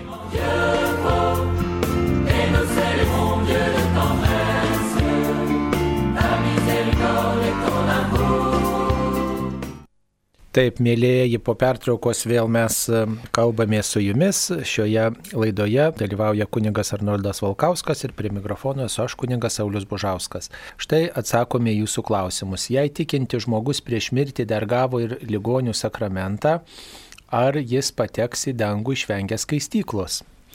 Čia toks probleminis klausimas, iš tikrųjų tai iš pirmo įspūdžio ir net ir teologiją studijuojant, kad taip tikrai dabar tiesiai su visais kaip juokaudam su batais į dangų. Bet iš tikrųjų ne viskas taip paprasta, iš tikrųjų tai turėtų, jeigu tikrai sąmoninga buvo atgaila, jeigu sąmoningas buvo, ne? Jeigu atliko tą atgailą išrišimą, gavo patepimą, gavo komuniją, priėmė, turėtų patekti, bet nėra tokios garantijos. Iš tikrųjų gali būti ir skaistikla vis dėlto, nes į skaistiklą patenka su kokiam sunkiom atleistom nuodėmėm ir lengvom, už kurias, reiškia, nebuvo atsiteista. Tai, tai va, taip kad, taip kad ar ten tobula, ta, aišku, tikime, kad išpažintis, viskas žmogus ten atleido, bet koks tas stovis, kiek jis per gyvenimą gailėsis, kiek ten nebuvo gailėsis, tai gali būti, kad ir vis dėlto ir susijęs dalykas ir su skaistykla. Tai tokio reikėtų dar pasitikslinti, dar pavartysi, kad dar, dar, dar, dar kartą tą, ir ne tik katekizmą, kitus dokumentus, bet šiaip iš tikrųjų tokio tikro garantuotumo, kad štai jau tu tikrai į dangų patenki, tai mes neturėtume taip drąsiai kalbėti. Nu, gal, yra tokia galimybė. Tai. Bet es, esmė ta, kad tikrai keliauja pas viešpatį. Ar per skaistyklą, ar tiesiai dangų, tai išlieka dar. Taip, mums paskambino. Janina iš Šiaulių rajono. Taip, klauskite, Janina, jūs eterį. Labai širdį skaudu, negaliu neturėti. Mane prakeikia uošvienė ir aš tuo, tuo žodžius prakeikimą visada minavojau. Ir daugam sakau, mane tik prakeikiu tavi, prakeikiu tavi. O pra, pagrindinai ant savo dukros prakeikiu. Ir dabar ta dukra nebeini į bažnyčią, niekas sako, tu mane prakeikiai. Man, aš vis, vis tiek esu pragarui paskirta. Kaip reikia, kaip nemoku pasakyti. Taip, apie prakeikimą. Šventas raštas sako, laiminkite ir nekeikite. Tai reiškia, už tos žmonės, kurie jūs prakeikė, reikia melstis. O pačio jokių būdų dabar, jeigu prakeikit, ką nors reikia būtinai atgailauti, iš pažinties prieiti, nu ir rimtai atgailauti. Aš nežinau, ką, užsėdėti kokią atgailą, ar kokį ten mėnesį rožančių kalbėti, tada ką nors tiesiog, bet rimtai už atgailą, kad štai aš šitai padariau, turiu dabar atgailauti. Ir ta atgaila nebus lengva. Čia ne, ne juokas yra tai. Ir turbūt reikėtų tuos žmonės laiminti. Viešpatie aš juos laiminu. Tai yra gera linkiu viešpatie palaimink jų gyvenimą, palaimink jų darbus, jų sumanimus ir tegul viešpats jų gyvenimą. Ja, bet čia labai rimtai reikia pažiūrėti. Aš dar kartą pabrėžiu, nes kartais, ai, sako, atgalėlį atlikau čia, iš pažinties prie, čia kaip prieš tai bus klausimas. Jau dabar į dangų, jau dabar nieko man nėra taip paprasta. Iš tikrųjų, atsiteisiu už tos nuodėmės. Matot, čia yra skirtingi dalykai. Kaltę Dievas atleidžia, ta prasme, nuodėmė atleidžia. Bet Bet atsiteisimo, tas tiesiog blogio padarimo įžengimas į Dievo darbą ir, reiškia, pareiga lieka. Tai, tai tas atsiteisimas turi būti rimtas. Tai jeigu ten priešnekėjot nesąmonių, kaip liaudiškai išnekant, tai imi rožančių, imi litanijas, papasnikauji ir atgailauji. Nes pridaryta kvailyščių daug mūsų gyvenime, tai viešpas nori iš mūsų ir tam, tikro, tam tikros pozicijos, kad tas tai kvailystės, aišku, mes jų netitaisysim, bet bent jau noras prisildės prie Dievo, jo veikimo. Nes čia giliau reiktų aiškinti, kas yra žmogus. Žmogus yra bažnyčia, mistinis Kristaus kūnas. Ir mums gale dvasinė sutikta labai didžiulė, tai mes keikdami kažką panaudojam neteisingai. Jau piktybiškai panaudojam, mums dievo, duoda Dievo didžiulę galę. Tai dabar noriu žengti tą teisingą kelią ir atsiteis savo, aiškiai, laikysime savo maldomis bent jau, ne, nes gerais darbais ten gal ir nesuspėsim. Tai. Taip, kaip uh, kaip atskirti, kur yra bandymas, kurio metu Dievas nori sustiprinti, o kur sunkumas? Tu paskaityti knygas, tai reiškia, yra dvasios, dvasios skirimai nebloga gala gera knyga, reiškia iš tikrųjų. E, Kristaus sėkimą tą patį, nė, nėra čia skirtumo, ar bandymas, ar sunkumas. Žmogaus gyvenimas yra tai pagoda, nepagoda, pagoda, nepagoda. Tarp kitko, jau atidavim spaudą, reiškia nematoma kova. Tai, e, o jeigu Marijos radijos direktorius leis, kai išleisim knygą, galėsim ją pristatyti. Taip labai maloniai prašome.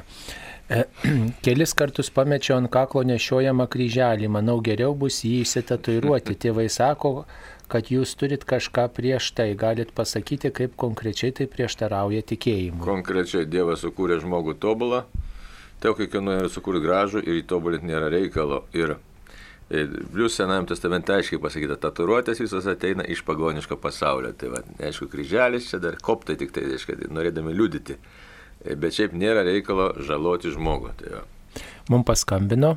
Juratė iš Kauno. Taip, Juratė, klauskite. Garbėsiu Kristui. Per amžius. Aš norėčiau kunigo Valkausko paklausti tokio klausimo. Žiūriu Facebooką, šimtas mišės ir egzortus. Ir noriu paklausti, ar užsiskaito egzortai tik tiem, kurie dalyvauja mišiuose, stebim per Facebooką, ar galima ir už artimuosius melstis, kad būtų egzortai už savo artimuosius. Ką reiškia užsiskaito? Egzortas yra malda, paprasčiausiai. Tai meldžiamės už visus, o ką ten Dievas kaip nu, nu, nutars, tai čia ta malda tokia iš bėdos, kadangi jau tai, reiškia, ten parašyta, reiškia, galima kalbėti esant ypatingom situacijom, situacija ypatinga daugeliu atžvilgių, kad ir korona. Ir suprant, ir šiaip žmonės iš proto eina, žiūrėkit, kokios vertybės sumaišė šeimą, vyrą su moterimi ir taip toliau. Tai tiesiog melžiamės prašydami Dievo apšvietimo ir viskas. Tik draugė ir melžiamės, tokia ir intencija. Taip, ar dėvint kaukės ir visa kita įmanoma išgyventi ilgiau negu kad suplanavo Dievas? Kokie kunigo Arnoldo Valkausko įspūdžiai po lygos, kaip vertinti? Taip. Aš kaip matau, čia vėl sumaišomi dalykai. Tai galim, galim būtų taip paklausti, kokią galimybę darau be bato vaikštant išgyventi ilgiau ar su batais, pavyzdžiui, žiemos metą. Jeigu nustatė, kad virusas plinta tokiu oro lašeliniu būdu, tai jis tikrai plinta. tai, tai čia dabar įspūdžiai nekokie, visiškai nekokie, aš dabar jokios už tai, kad šlikšti lyga baisiai šlikšti, aš tai vidutinių tokius ir gal vadinamų, tokiu, vidutinis, nebuvo sunkus mano Tai tas jau vidutinis per pakaušį išlindo, taip liaudiškai tariant, žinai, nei jėgų nėra ir pykina ir nežinia, kas ten darosi, kosmosas kažkoks, tai čia neįsiplėsiu laiką taupydamas. Bet yra nenusakoma būsena ir išlikšti labai būsena ir viską veikia, ir depresyvę nuotaiką sukelia, ir nemigą sukelia, o jie, jie, tai kažkokia kažkoks kosmosas, žinai, tai jeigu tas virusas natūralus, tai jis baisiai išlikštus Dievo bausmė, o jeigu čia sukurtas, nu tai irgi išlikščiai sukurtas, tai žinai, sunku pasakyti, kaip čia yra. Tai va, tai tokie įspūdžiai, tai saugoti save reikia tiek, kiek protas leidžia, tai, o ar ilgiau gyvensi, tai tikrai ne. Tarp kitko, o, nieks, aš sakiau gydytam. Ir profesoriam galėtų Marijos raginti ateiti ir pasakyti visai visuomeniai. Nuo šito vaisto, tai aiškiai, jie žino patys ir pasako, nuo šito, nuo šito su viruso sakau, nėra vaistų, nėra jokių vaistų, žmonė neturi vaistų įsivaizduoti. Tai čia ar išgyveni, ar neišgyveni yra Dievo e, sprendimas. O ten tie visokie vaistai, ką leidžia, jie tik tai nuo šalutinių visokiausių ten tų susirgymų, kad ten nesusirgtum toliau dar pneumonija, kokia nors bakterinė ir taip toliau. Čia va šitaip yra. Taip, kaip vertinti tai, kad žmonės naudojant jėgą neleidžiami į bažnyčią? Na, tai... Jėgos nenaudoja, policija ten nevaiko su bananai. Nu, gal Zakristijonas koks pasakė, kad įėjo jau 15-20 žmonių, daugiau negalima pagal reikalavimus ir sako, eikit lauk. Čia įvairiai galima vertinti. Matai, iškia, o su suaisiai susirgsi, nu tai kokia nauda iš to. Aišku, galima nuolankumą ugdytis, galima melsti, bet man kitas dalykas yra. Žinot, ar taip tikrai mes visi, ve... o labai gerai, ačiū, kad iškėlė šitą klausimą per Marijos radiją. Būkim bėdini, bet teisingi, gliaudiškai išnekant.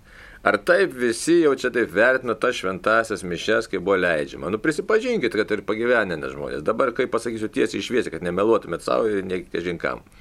Būdavo, prasideda balandžio mėno ir bažnyčios ištuštėja net ir tų pensininkų ir pensininkų ir kitų turinčių laiko. Ir klausė, kur buvai? Aš žinai, sodė daržė buvau, ravėjau, sodinau ir taip toliau. Ir taip, ir taip toliau, ir kol, reiškia, neprasideda, neteina. Paskui tas pats, reiškia, ten rugsėjo mėnesį, kur buvai bulvės kasiau ir dar kažką atidariau.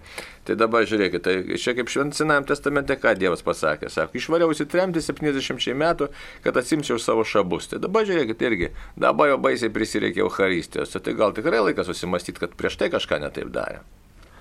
Tai va dabar jau kai panaikins verži, tą jau kaip sakyt visus draudimus, pažiūrėsim, ar tikrai žmonės jau veršis be draudimo. Mm, Ar tikrai norės, kai, kai bus, reiškia, pribojimai nuimti. Nu jo, nes tas tikėjimas turi bręsti, žinai. Tai. Taigi, mums paskambino. Liongina iš Šiaulių rajono. Taip, Liongina, klauskite, jūs eterį. Garbė Jėzui Per amžius. Ponai kunigai, aš norėčiau pasiaiškinti apie išpažinti, jeigu galima. Prašau, trumpai. Anksčiau, buvo, kada atlieki išpažinti, kunigas kalba išrišimo maldą ir po to atleidžia nuo klausyklos. Dabar kunigas praklauso tik tai išpažinti, a, iš karto skiria atgailą ir nebėra jokios išrišimo maldos. Nu, neteko girdėti. kartais popiežius panaikino i- Ne, ne. šitą dalyką, gal paliko kunigam skiria kaip pačius dievus. Ne, ne, niekas, niekas nepanaikino išrišimo maldos ir ta išrišimo malda galioja, tiesiog galimi keli variantai. Arba jūs e, negirdėjote, ne, nepastebėjot, kad kunigas tą maldą meldžiasi, arba galbūt kunigas kažką kažkaip Gal aplaidžiai. užmiršo? Aplaidžiai pasielgė. negerai labai, jeigu būtų užmiršę. Ar panašiai, bet galioja visa sena tvarka, nuodėmės reikia išpažinti, dėl jų gailėtis, jas e, išsakyti, dėl jų gailėtis ir taip pat išklausyti kunigo pamokymą. Jei to pamokymo nėra, tai kunigas e, per sukalba maldą tyliai arba pusbalsiu ir tada kryžiaus ženklų e, jūs palaimina ir tada, reiškia, jūs galite jau eiti ir atlikti atgailą, kurią kunigas užduoda. Taip, pas brolį yra indiškas drambliukas, ar tai blogai ir ką su juo daryti? Šiaip tai nereiktų laikyti jokių ten tų indiškų dalykų, nes jie visi susijęs su jų kultu. Tai va, tą daryti, paimti ir išmesti. Nu, jei pas brolį, tai gal čia jau. Jeigu brolis įsimeta. Taip, čia pas brolis turi būti. Turi, turi tą pas, padaryti. Tiesiog pakalbėti Aišku, apie... sakys, kad čia, žinai, aišku, ten gal drambliukas nėra taip blogai kaip būdos statula, žinai, tai, bet drambliukas, drambliukas, žiūrint, ką, kokią reikšmę suteikia tenai, gal ten ir neturi jokios reikšmės, bet šiaip tai reiktų vengti visokių svetimų kultų dalykų. Taip. Dar viena žinutė, kas yra grigalinės mišios ir kokiais atvejais jos yra aukojamos. Tai grigalinės mišios yra tos mišios, kurios aukojamos 30 dienų tą pačią intenciją. Iš eilės. Iš eilės, 30 dienų iš eilės. Kiekvieną dieną kunigas e, aukoja ir meldžiasi už, mm, dažniausiai už mirusius jos yra užsakomos, o kilo nuo popiežiaus Grigaliaus, kuris e, meldėsi už vieną vienuolį, mm, nes tas vienuolis pagal savo brolių liūdėjimus. Netikęs toks buvo. Netikęs, e, iškeliavo, ne, neatsiprašęs, žodžiu, tai e, popiežius pažadėjo melstis ir tokį gavo tikrumą, tam tikrą turėjo patirtį, kad štai tas žmogus jau yra išlaisvintas iš bet kokių mm, e, nuodėmių pasiekmių ir ta malda tokia taip išplito po pasaulį, melstis 30 dienų nepertraukiamų būdų už vieną ar kitą žmogų ir artimieji dažniausiai to pageidauja ir paprašo pas vienuolynų kunigus ar tuos kunigus, kurie neturi tokių įsipareigojimų, neturi kitų intencijų melstis už vieną ar kitą žmogų parapijoje. Taip, e, kai, ar daug yra teisiųjų ir kaip juo būti ir kaip žinoti, kad maždaug teisiai gyvenu. Labai paprastai paltaroko katekizmas, ne ką reiškia. Dievą tikėti, laikytis įsakymai, sakramentų ir melstis. ir pasitikėti Dievu. Nuklausyti savo sąžinės, savo sąžinės tai- turbūt labai svarbu Jeigu klausyti. Dievą ir- tiki ir laikais įsakymų, tai bus gerai. Ir tų Įsakymai įsakymų. kokie? Pasikartotis reikia, ne? Na tai matot, sako, ne- nežudau, nevagiu, O, viskas pala, gerai. pala. O Tai, kur didysis meilės įsakymas? nu tai myliu visus, va. Myliu visus, visi geri ir, ir aš geras ir kuo daugiau reikia ir viskas puiku. Nu, Tai, bet mm, taip pat priim Dievą, kuris kalba per šventą raštą, per bažnyčią, ne čia turbūt plačiau. Reikia tokio vis dėlto radikalumo tikėjimo keliu. Labiau mylėti viešpatį. Klauskit šitą klausimą, kiek galiu labiau Dievui atsiliepti. Dievui, kuris kalba ne taip, kaip man atrodo, bet kalba taip, kaip jis vat, paliko per, per visus amžius, kaip jis Tai matai, kalba. čia pabaigos nėra tam tobulėjimai. Nėra pabaigos. Ar galima santoka, kai mergina tikinti Dievą, o vaikinas netikintis? Nu, santoka galima, bet turbūt bus Bet problemų daug bus. problemų. Jo. Tai reikia tam pasiryšti, kaip jūs, pavyzdžiui, švesit sekmadienį ir tikrai e, mergina galės laisvai švesti savo tikėjimą. Turbūt jau labai grėsia tikinčiam žmogui prarasti savo praktiką, savo įsitikinimus gyvenant su netikinčiu žmogum. Konfliktai tikrai garantuoti, kai ateina atlaidai, kai ateina sekmadienis šventės, o, o tas šventimas yra vis dėlto bendrystės dalis. Jeigu Dar mes- vaikų auklėjimas prasideda. Taip, daug jeigu, dalykų. Negalim kartu leisti šventės, ugdyti vaikus vienoje dvasioje, tai tikrai šeimoje ta vienybė komplikuota. E, taigi, mm, na čia prašo paaiškinti, kas yra homoseksualumas, ar tai gali būti įgimta, įgyta ar apsėdimas. Problema iš tikrųjų yra taip. Daugiausia būna įgyta, daugiausia net. Tai va. Ar ten gali būti veikti piktoji dvasia, aišku, gali veikti visą, kas iš tikrųjų iškreipo santykiai, natūralią prigimtį, vis laik gali veikti, bet ar taip tai yra visą laiką, tai klausimas. Tai. Nu ir apie tai šventam rašte vis dėlto nedviprasmiškai pasakyta, kad yra tokio, tokios, tokio gyvenimo būdo toks propagavimas, e, yra nuodėmė, yra Taip. nuodėmė. Taip. Ką daryti su savimi? Kenčiu nuo priklausomybės, neskaistybei, depresija ir nenoras jau gyventi, net iš pažinties sunku prieiti.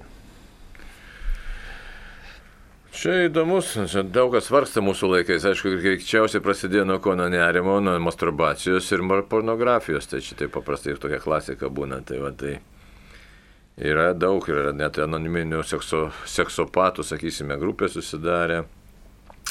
Malda padeda, aišku, iš tikrųjų, ir, ir kartais ir egzortų gali reikti, iš išlaisvinimo maldos ar iš...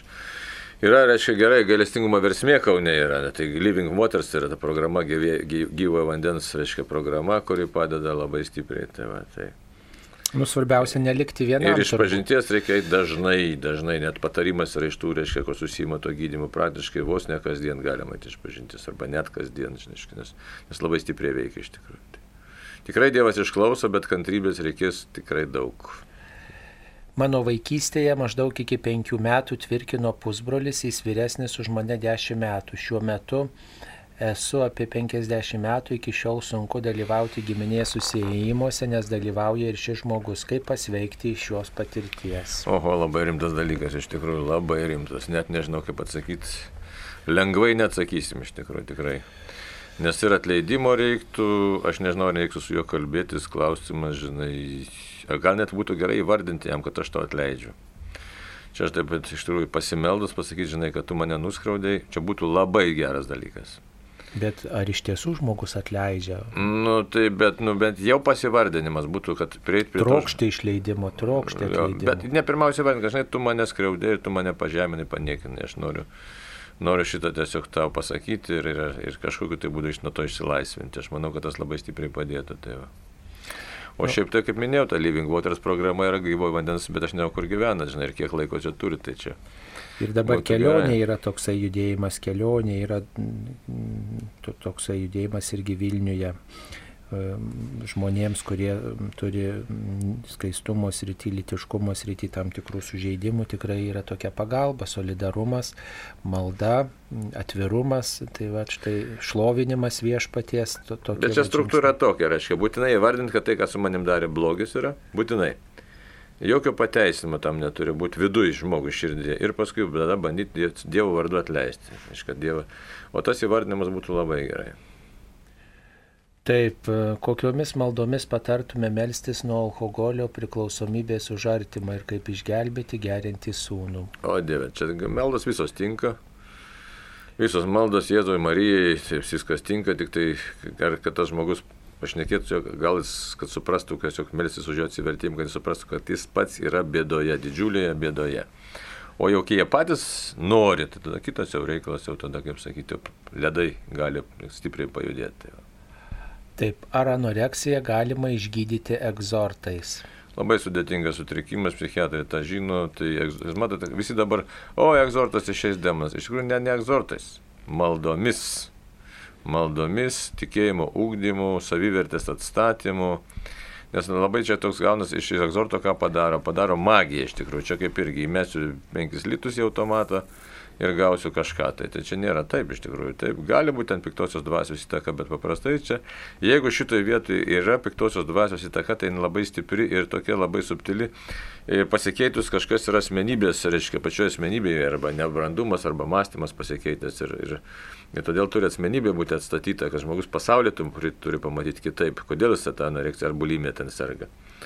Kodėl jis nevalgo, ar ten prisivalgęs, ten tiksliau vemia ir taip toliau. Tai, va, tai čia, čia reiškia, yra iškreiptas matymas, taip, taip kad čia labai, nu, toks, turi būti kitoks, gilesnis atstatymas.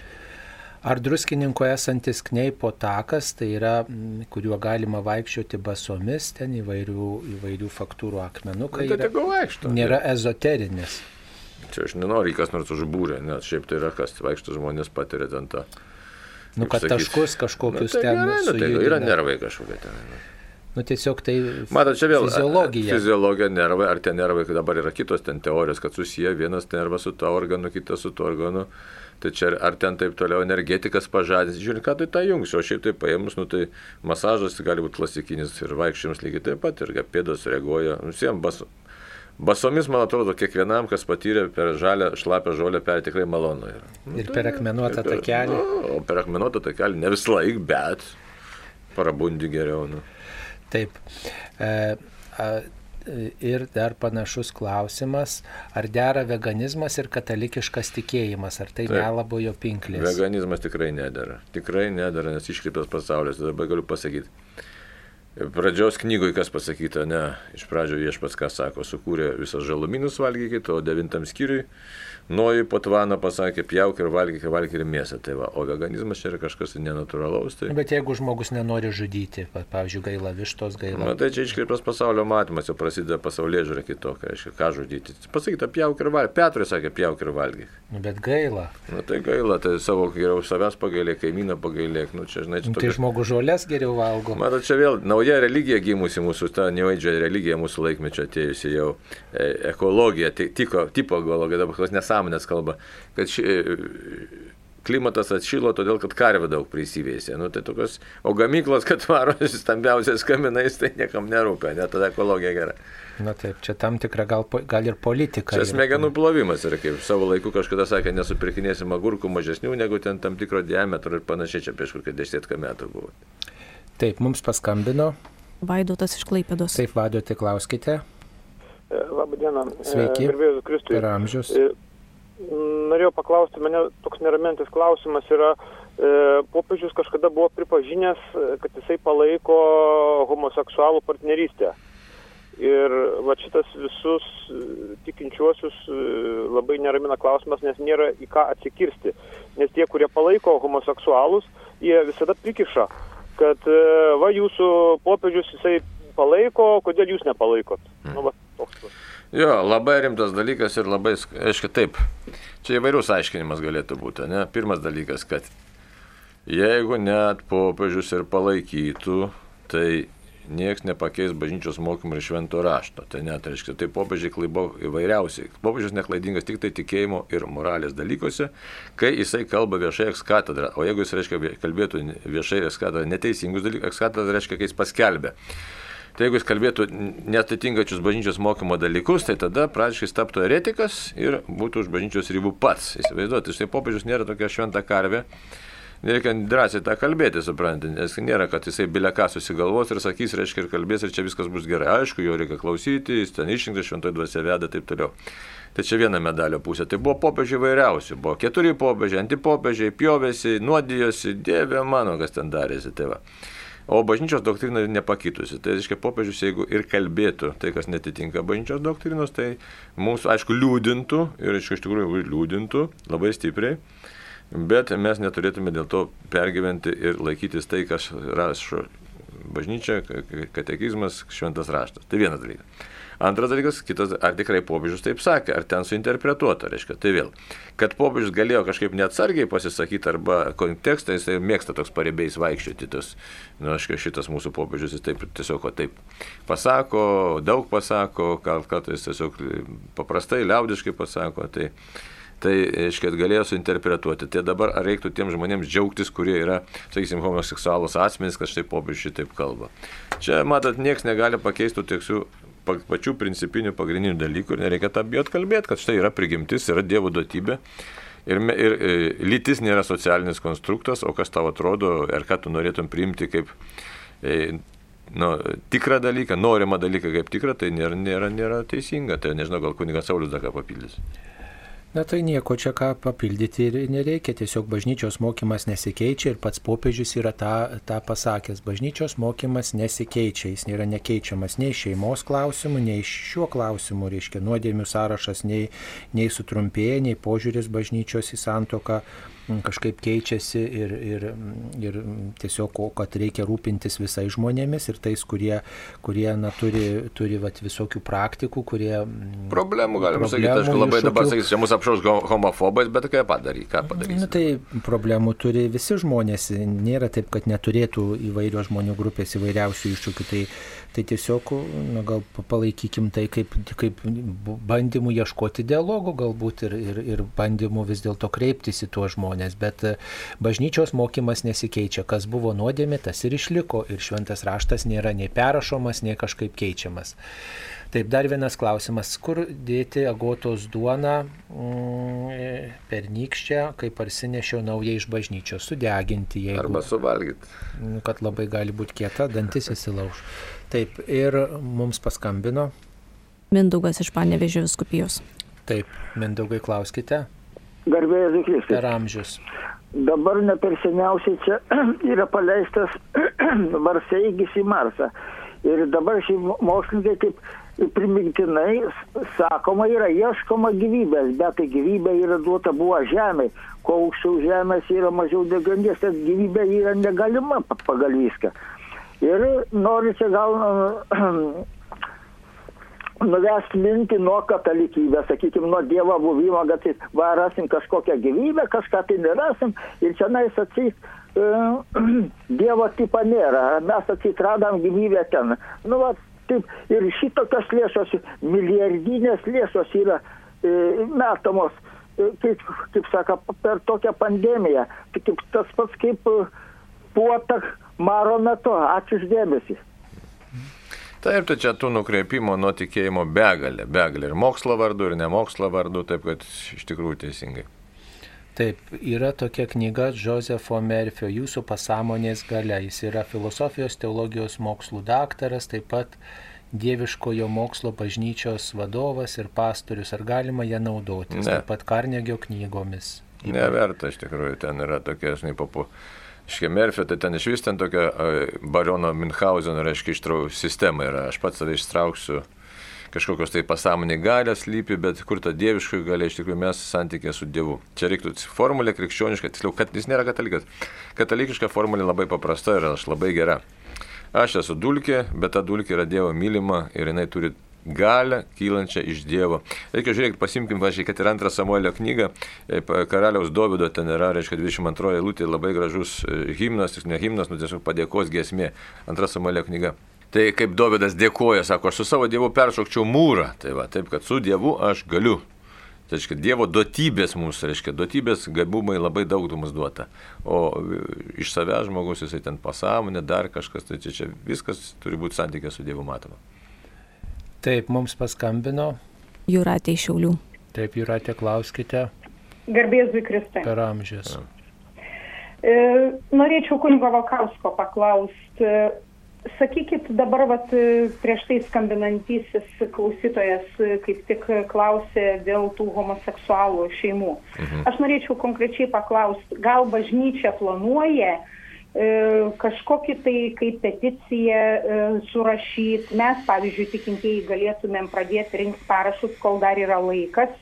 Nes e, nu, čia yra tikrai labai rimtas klausimas. Aš įsivaizduoju, jeigu ten būtų dabar tas svarstoma partnerystė, vien tik tai partnerystės įteisinimų kaip dviejų moterų, dviejų vyrų, tai gal dar ir nieko.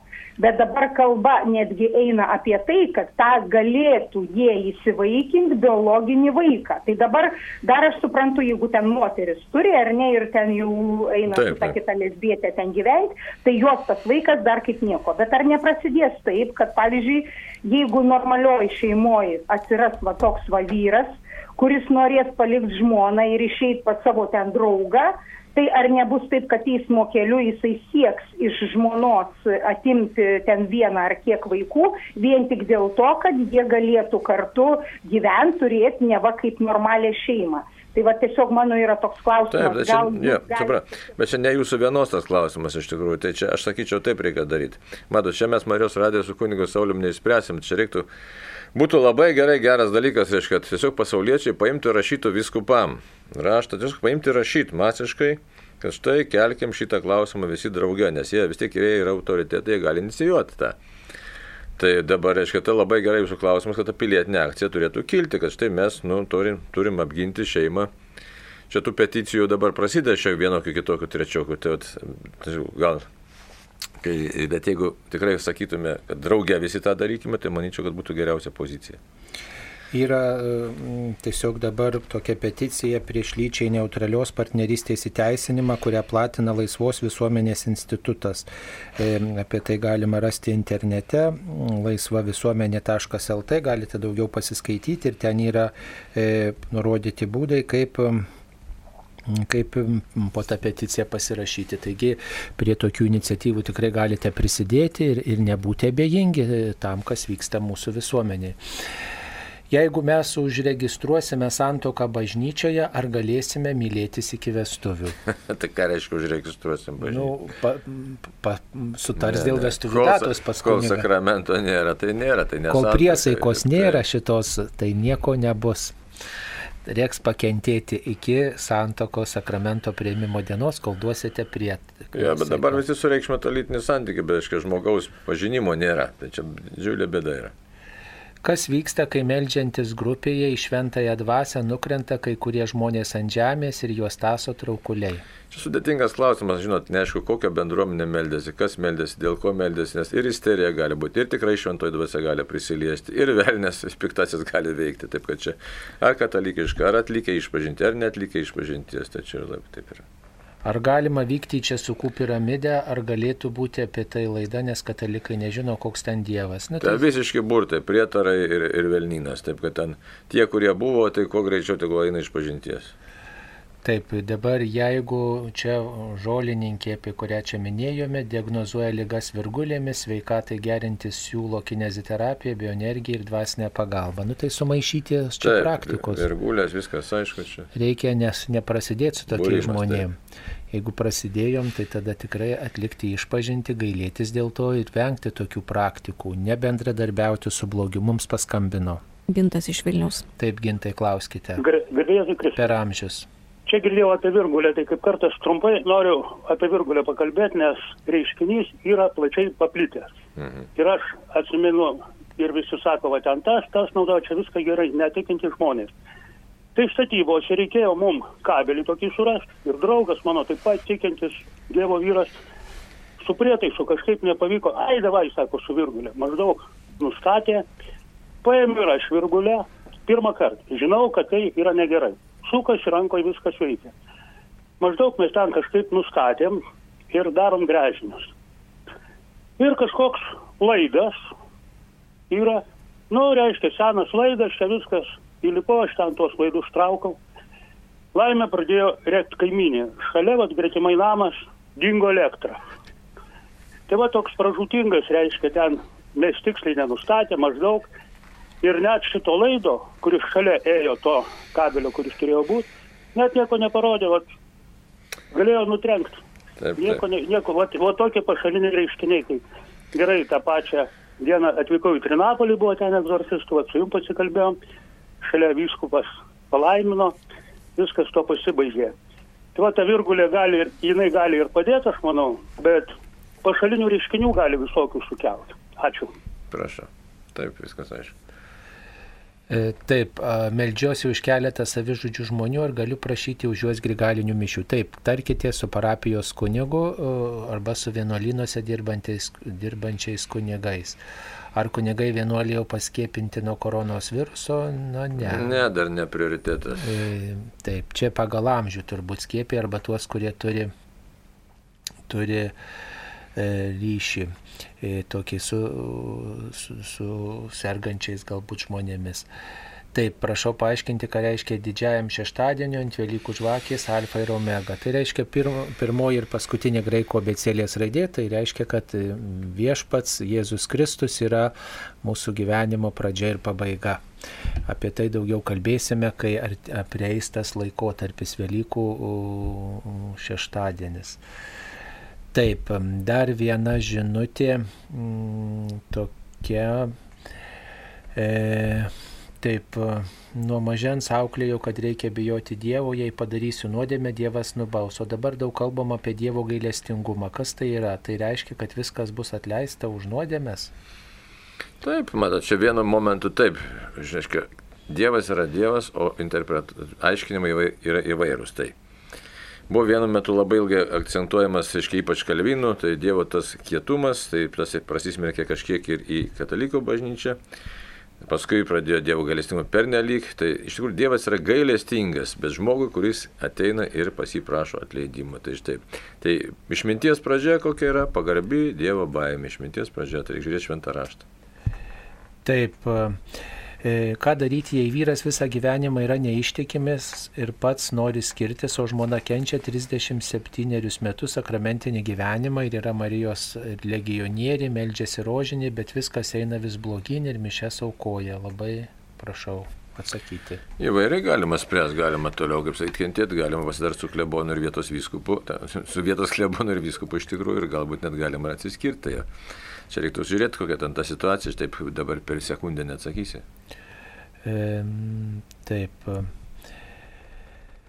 Gerai, dar čia yra apie, apie įvairias aktualijas, apie... Ten buvo apie šventą dvasę, mažiau. Apie šventąją dvasę, nuodėmės prie šventąją dvasę. Ne, ten buvo tas, kad ten, aiškiai, visi pakrikštyti, reikia atsakyti, mačiau, šventą dvasę tikrai turi, bet yra, aiškiai, pašvenčiamoji malonė, kuri suteikiama kiekvienam pakrikštytam ir ją galim pra, tiesiog, nu, pilnai neprarasti, bet tiesiog, nu, kaip sakyti, prarast, savotiškai pristabdyti, nu, prarast pašvenčiamą malonę.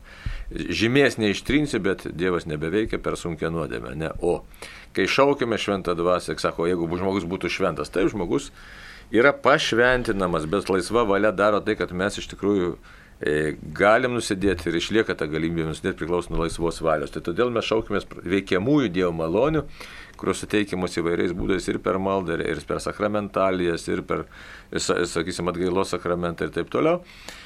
Tam, kad mes galėtume toliau aukti tikėjime. Tai čia už tai šventą dvasę per krikštą, jeigu mes jos nesužalojam to krikšto malonės sunkiom nuodėmėm, mes šventą dvasę savį turim. Praėjusiu metu šventos agotos duona atiduoda ūkininkai paukščiams sulesinti ar padaryta nuodėmė. Nu, nereikėtų turbūt sakramentalijų duoti gyvūnams, nes visada lieka toks išniekinimo pavojus. Matot, mes pagarbiai sunaikinam sudegindami arba e, tiesiog na, ištirpinam ir tada taip, pagarbiai palaistomo gyvūnas, matot, jisai, jisai gali ir nesulesti visos paukštis, nesulesti visos duonos, jinai tiesiog, nu, su, ne, ne, čia skirta žmonėm, bažnyčios, reiškia, nariam, o ne, ne gyvuliam. Taip, tai geriau pagarbiai sunaikinti be tokio paniekinimo pavojaus. Ir šiaip tai nereikėtų tos duonos tiek kaupti, kad jau reikėtų gyvulių šerti. E, taip, mūsų miestelio padėvėtų drabužių parduotuvėje kabo turkiška akis, sapnų gaudyklė, pardavėja perspėjau e, dėl pasiekmių. Jie atsakė, kad dėl grožio kaip elgtis, ar galime eiti apsiperkinėti, kur pakabinti tie daiktai. Tai aišku, galima tik tai žinot, ko žmogus gyvena, nu ir tiek, nu, palaimintas žmogus ir viskas.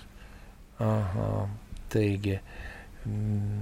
Taip, žmogus meldžiasi gulėdamas, tai čia nieko tokio, mes jau senai apie šitą aps, atsakėme. Na tai tiek jums suspėjome atsakyti.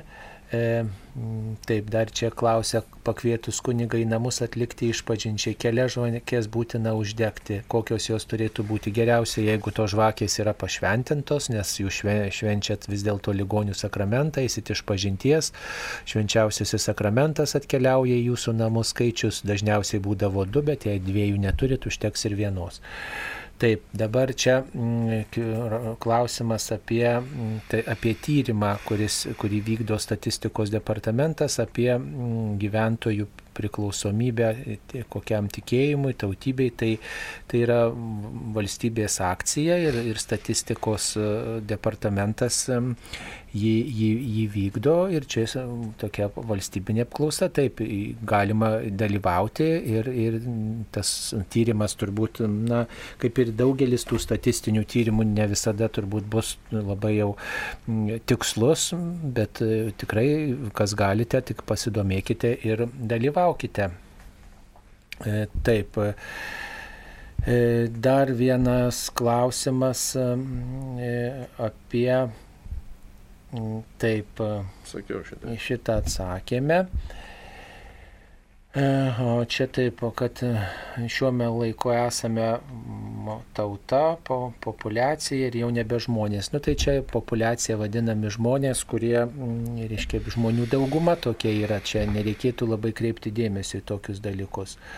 Kodėl Juozapui Angelas per sapną apsireiškė, jis gavo įspėjimą ir Marija norėjo apleisti. Tai čia klausimas, ar sapnas, ar regėjimas, ar vizija, buvo ar tiesioginis Dievo įsikišimas, verčiam sapną. Ne? Tai, čia būdas paaiškinti. Ja, būdas turbūt... paaiškinti, ką jisai gavo, kokį Dievą, bet jis suprato, kad tai tikras Dievo įspėjimas, tikras Dievo žodis. E, kad ten gamtinė patirtis nekontroliuojama. Taip, ar su visais kunigais galima dalintis dvasinėmis malonėmis, į ką reikėtų atkreipti dėmesį? Ką tai reiškia dvasinėmis, kaip dalintis su jais? Nu gal pasakoti, kokias patirtis turėjo ir panašiai. A. Na taip, dar daug klausimų liko, tačiau mūsų laida jau atėjo į pabaigą. Šioje laidoje dalyvavo kunigas Arnoldas Valkauskas, jis yra kariuomenės kapelionas, egzorcistas ir taip pat darbuojasi Rukloje. Ir prie mikrofono buvo aš kunigas Saulis Bužauskas. Ačiū kunigui Arnoldui, ačiū, ačiū kunigui Sauliui. Visiems klausytojams linkime gilaus tikėjimo, linkime kiekvienam jums. Ačiū sudė.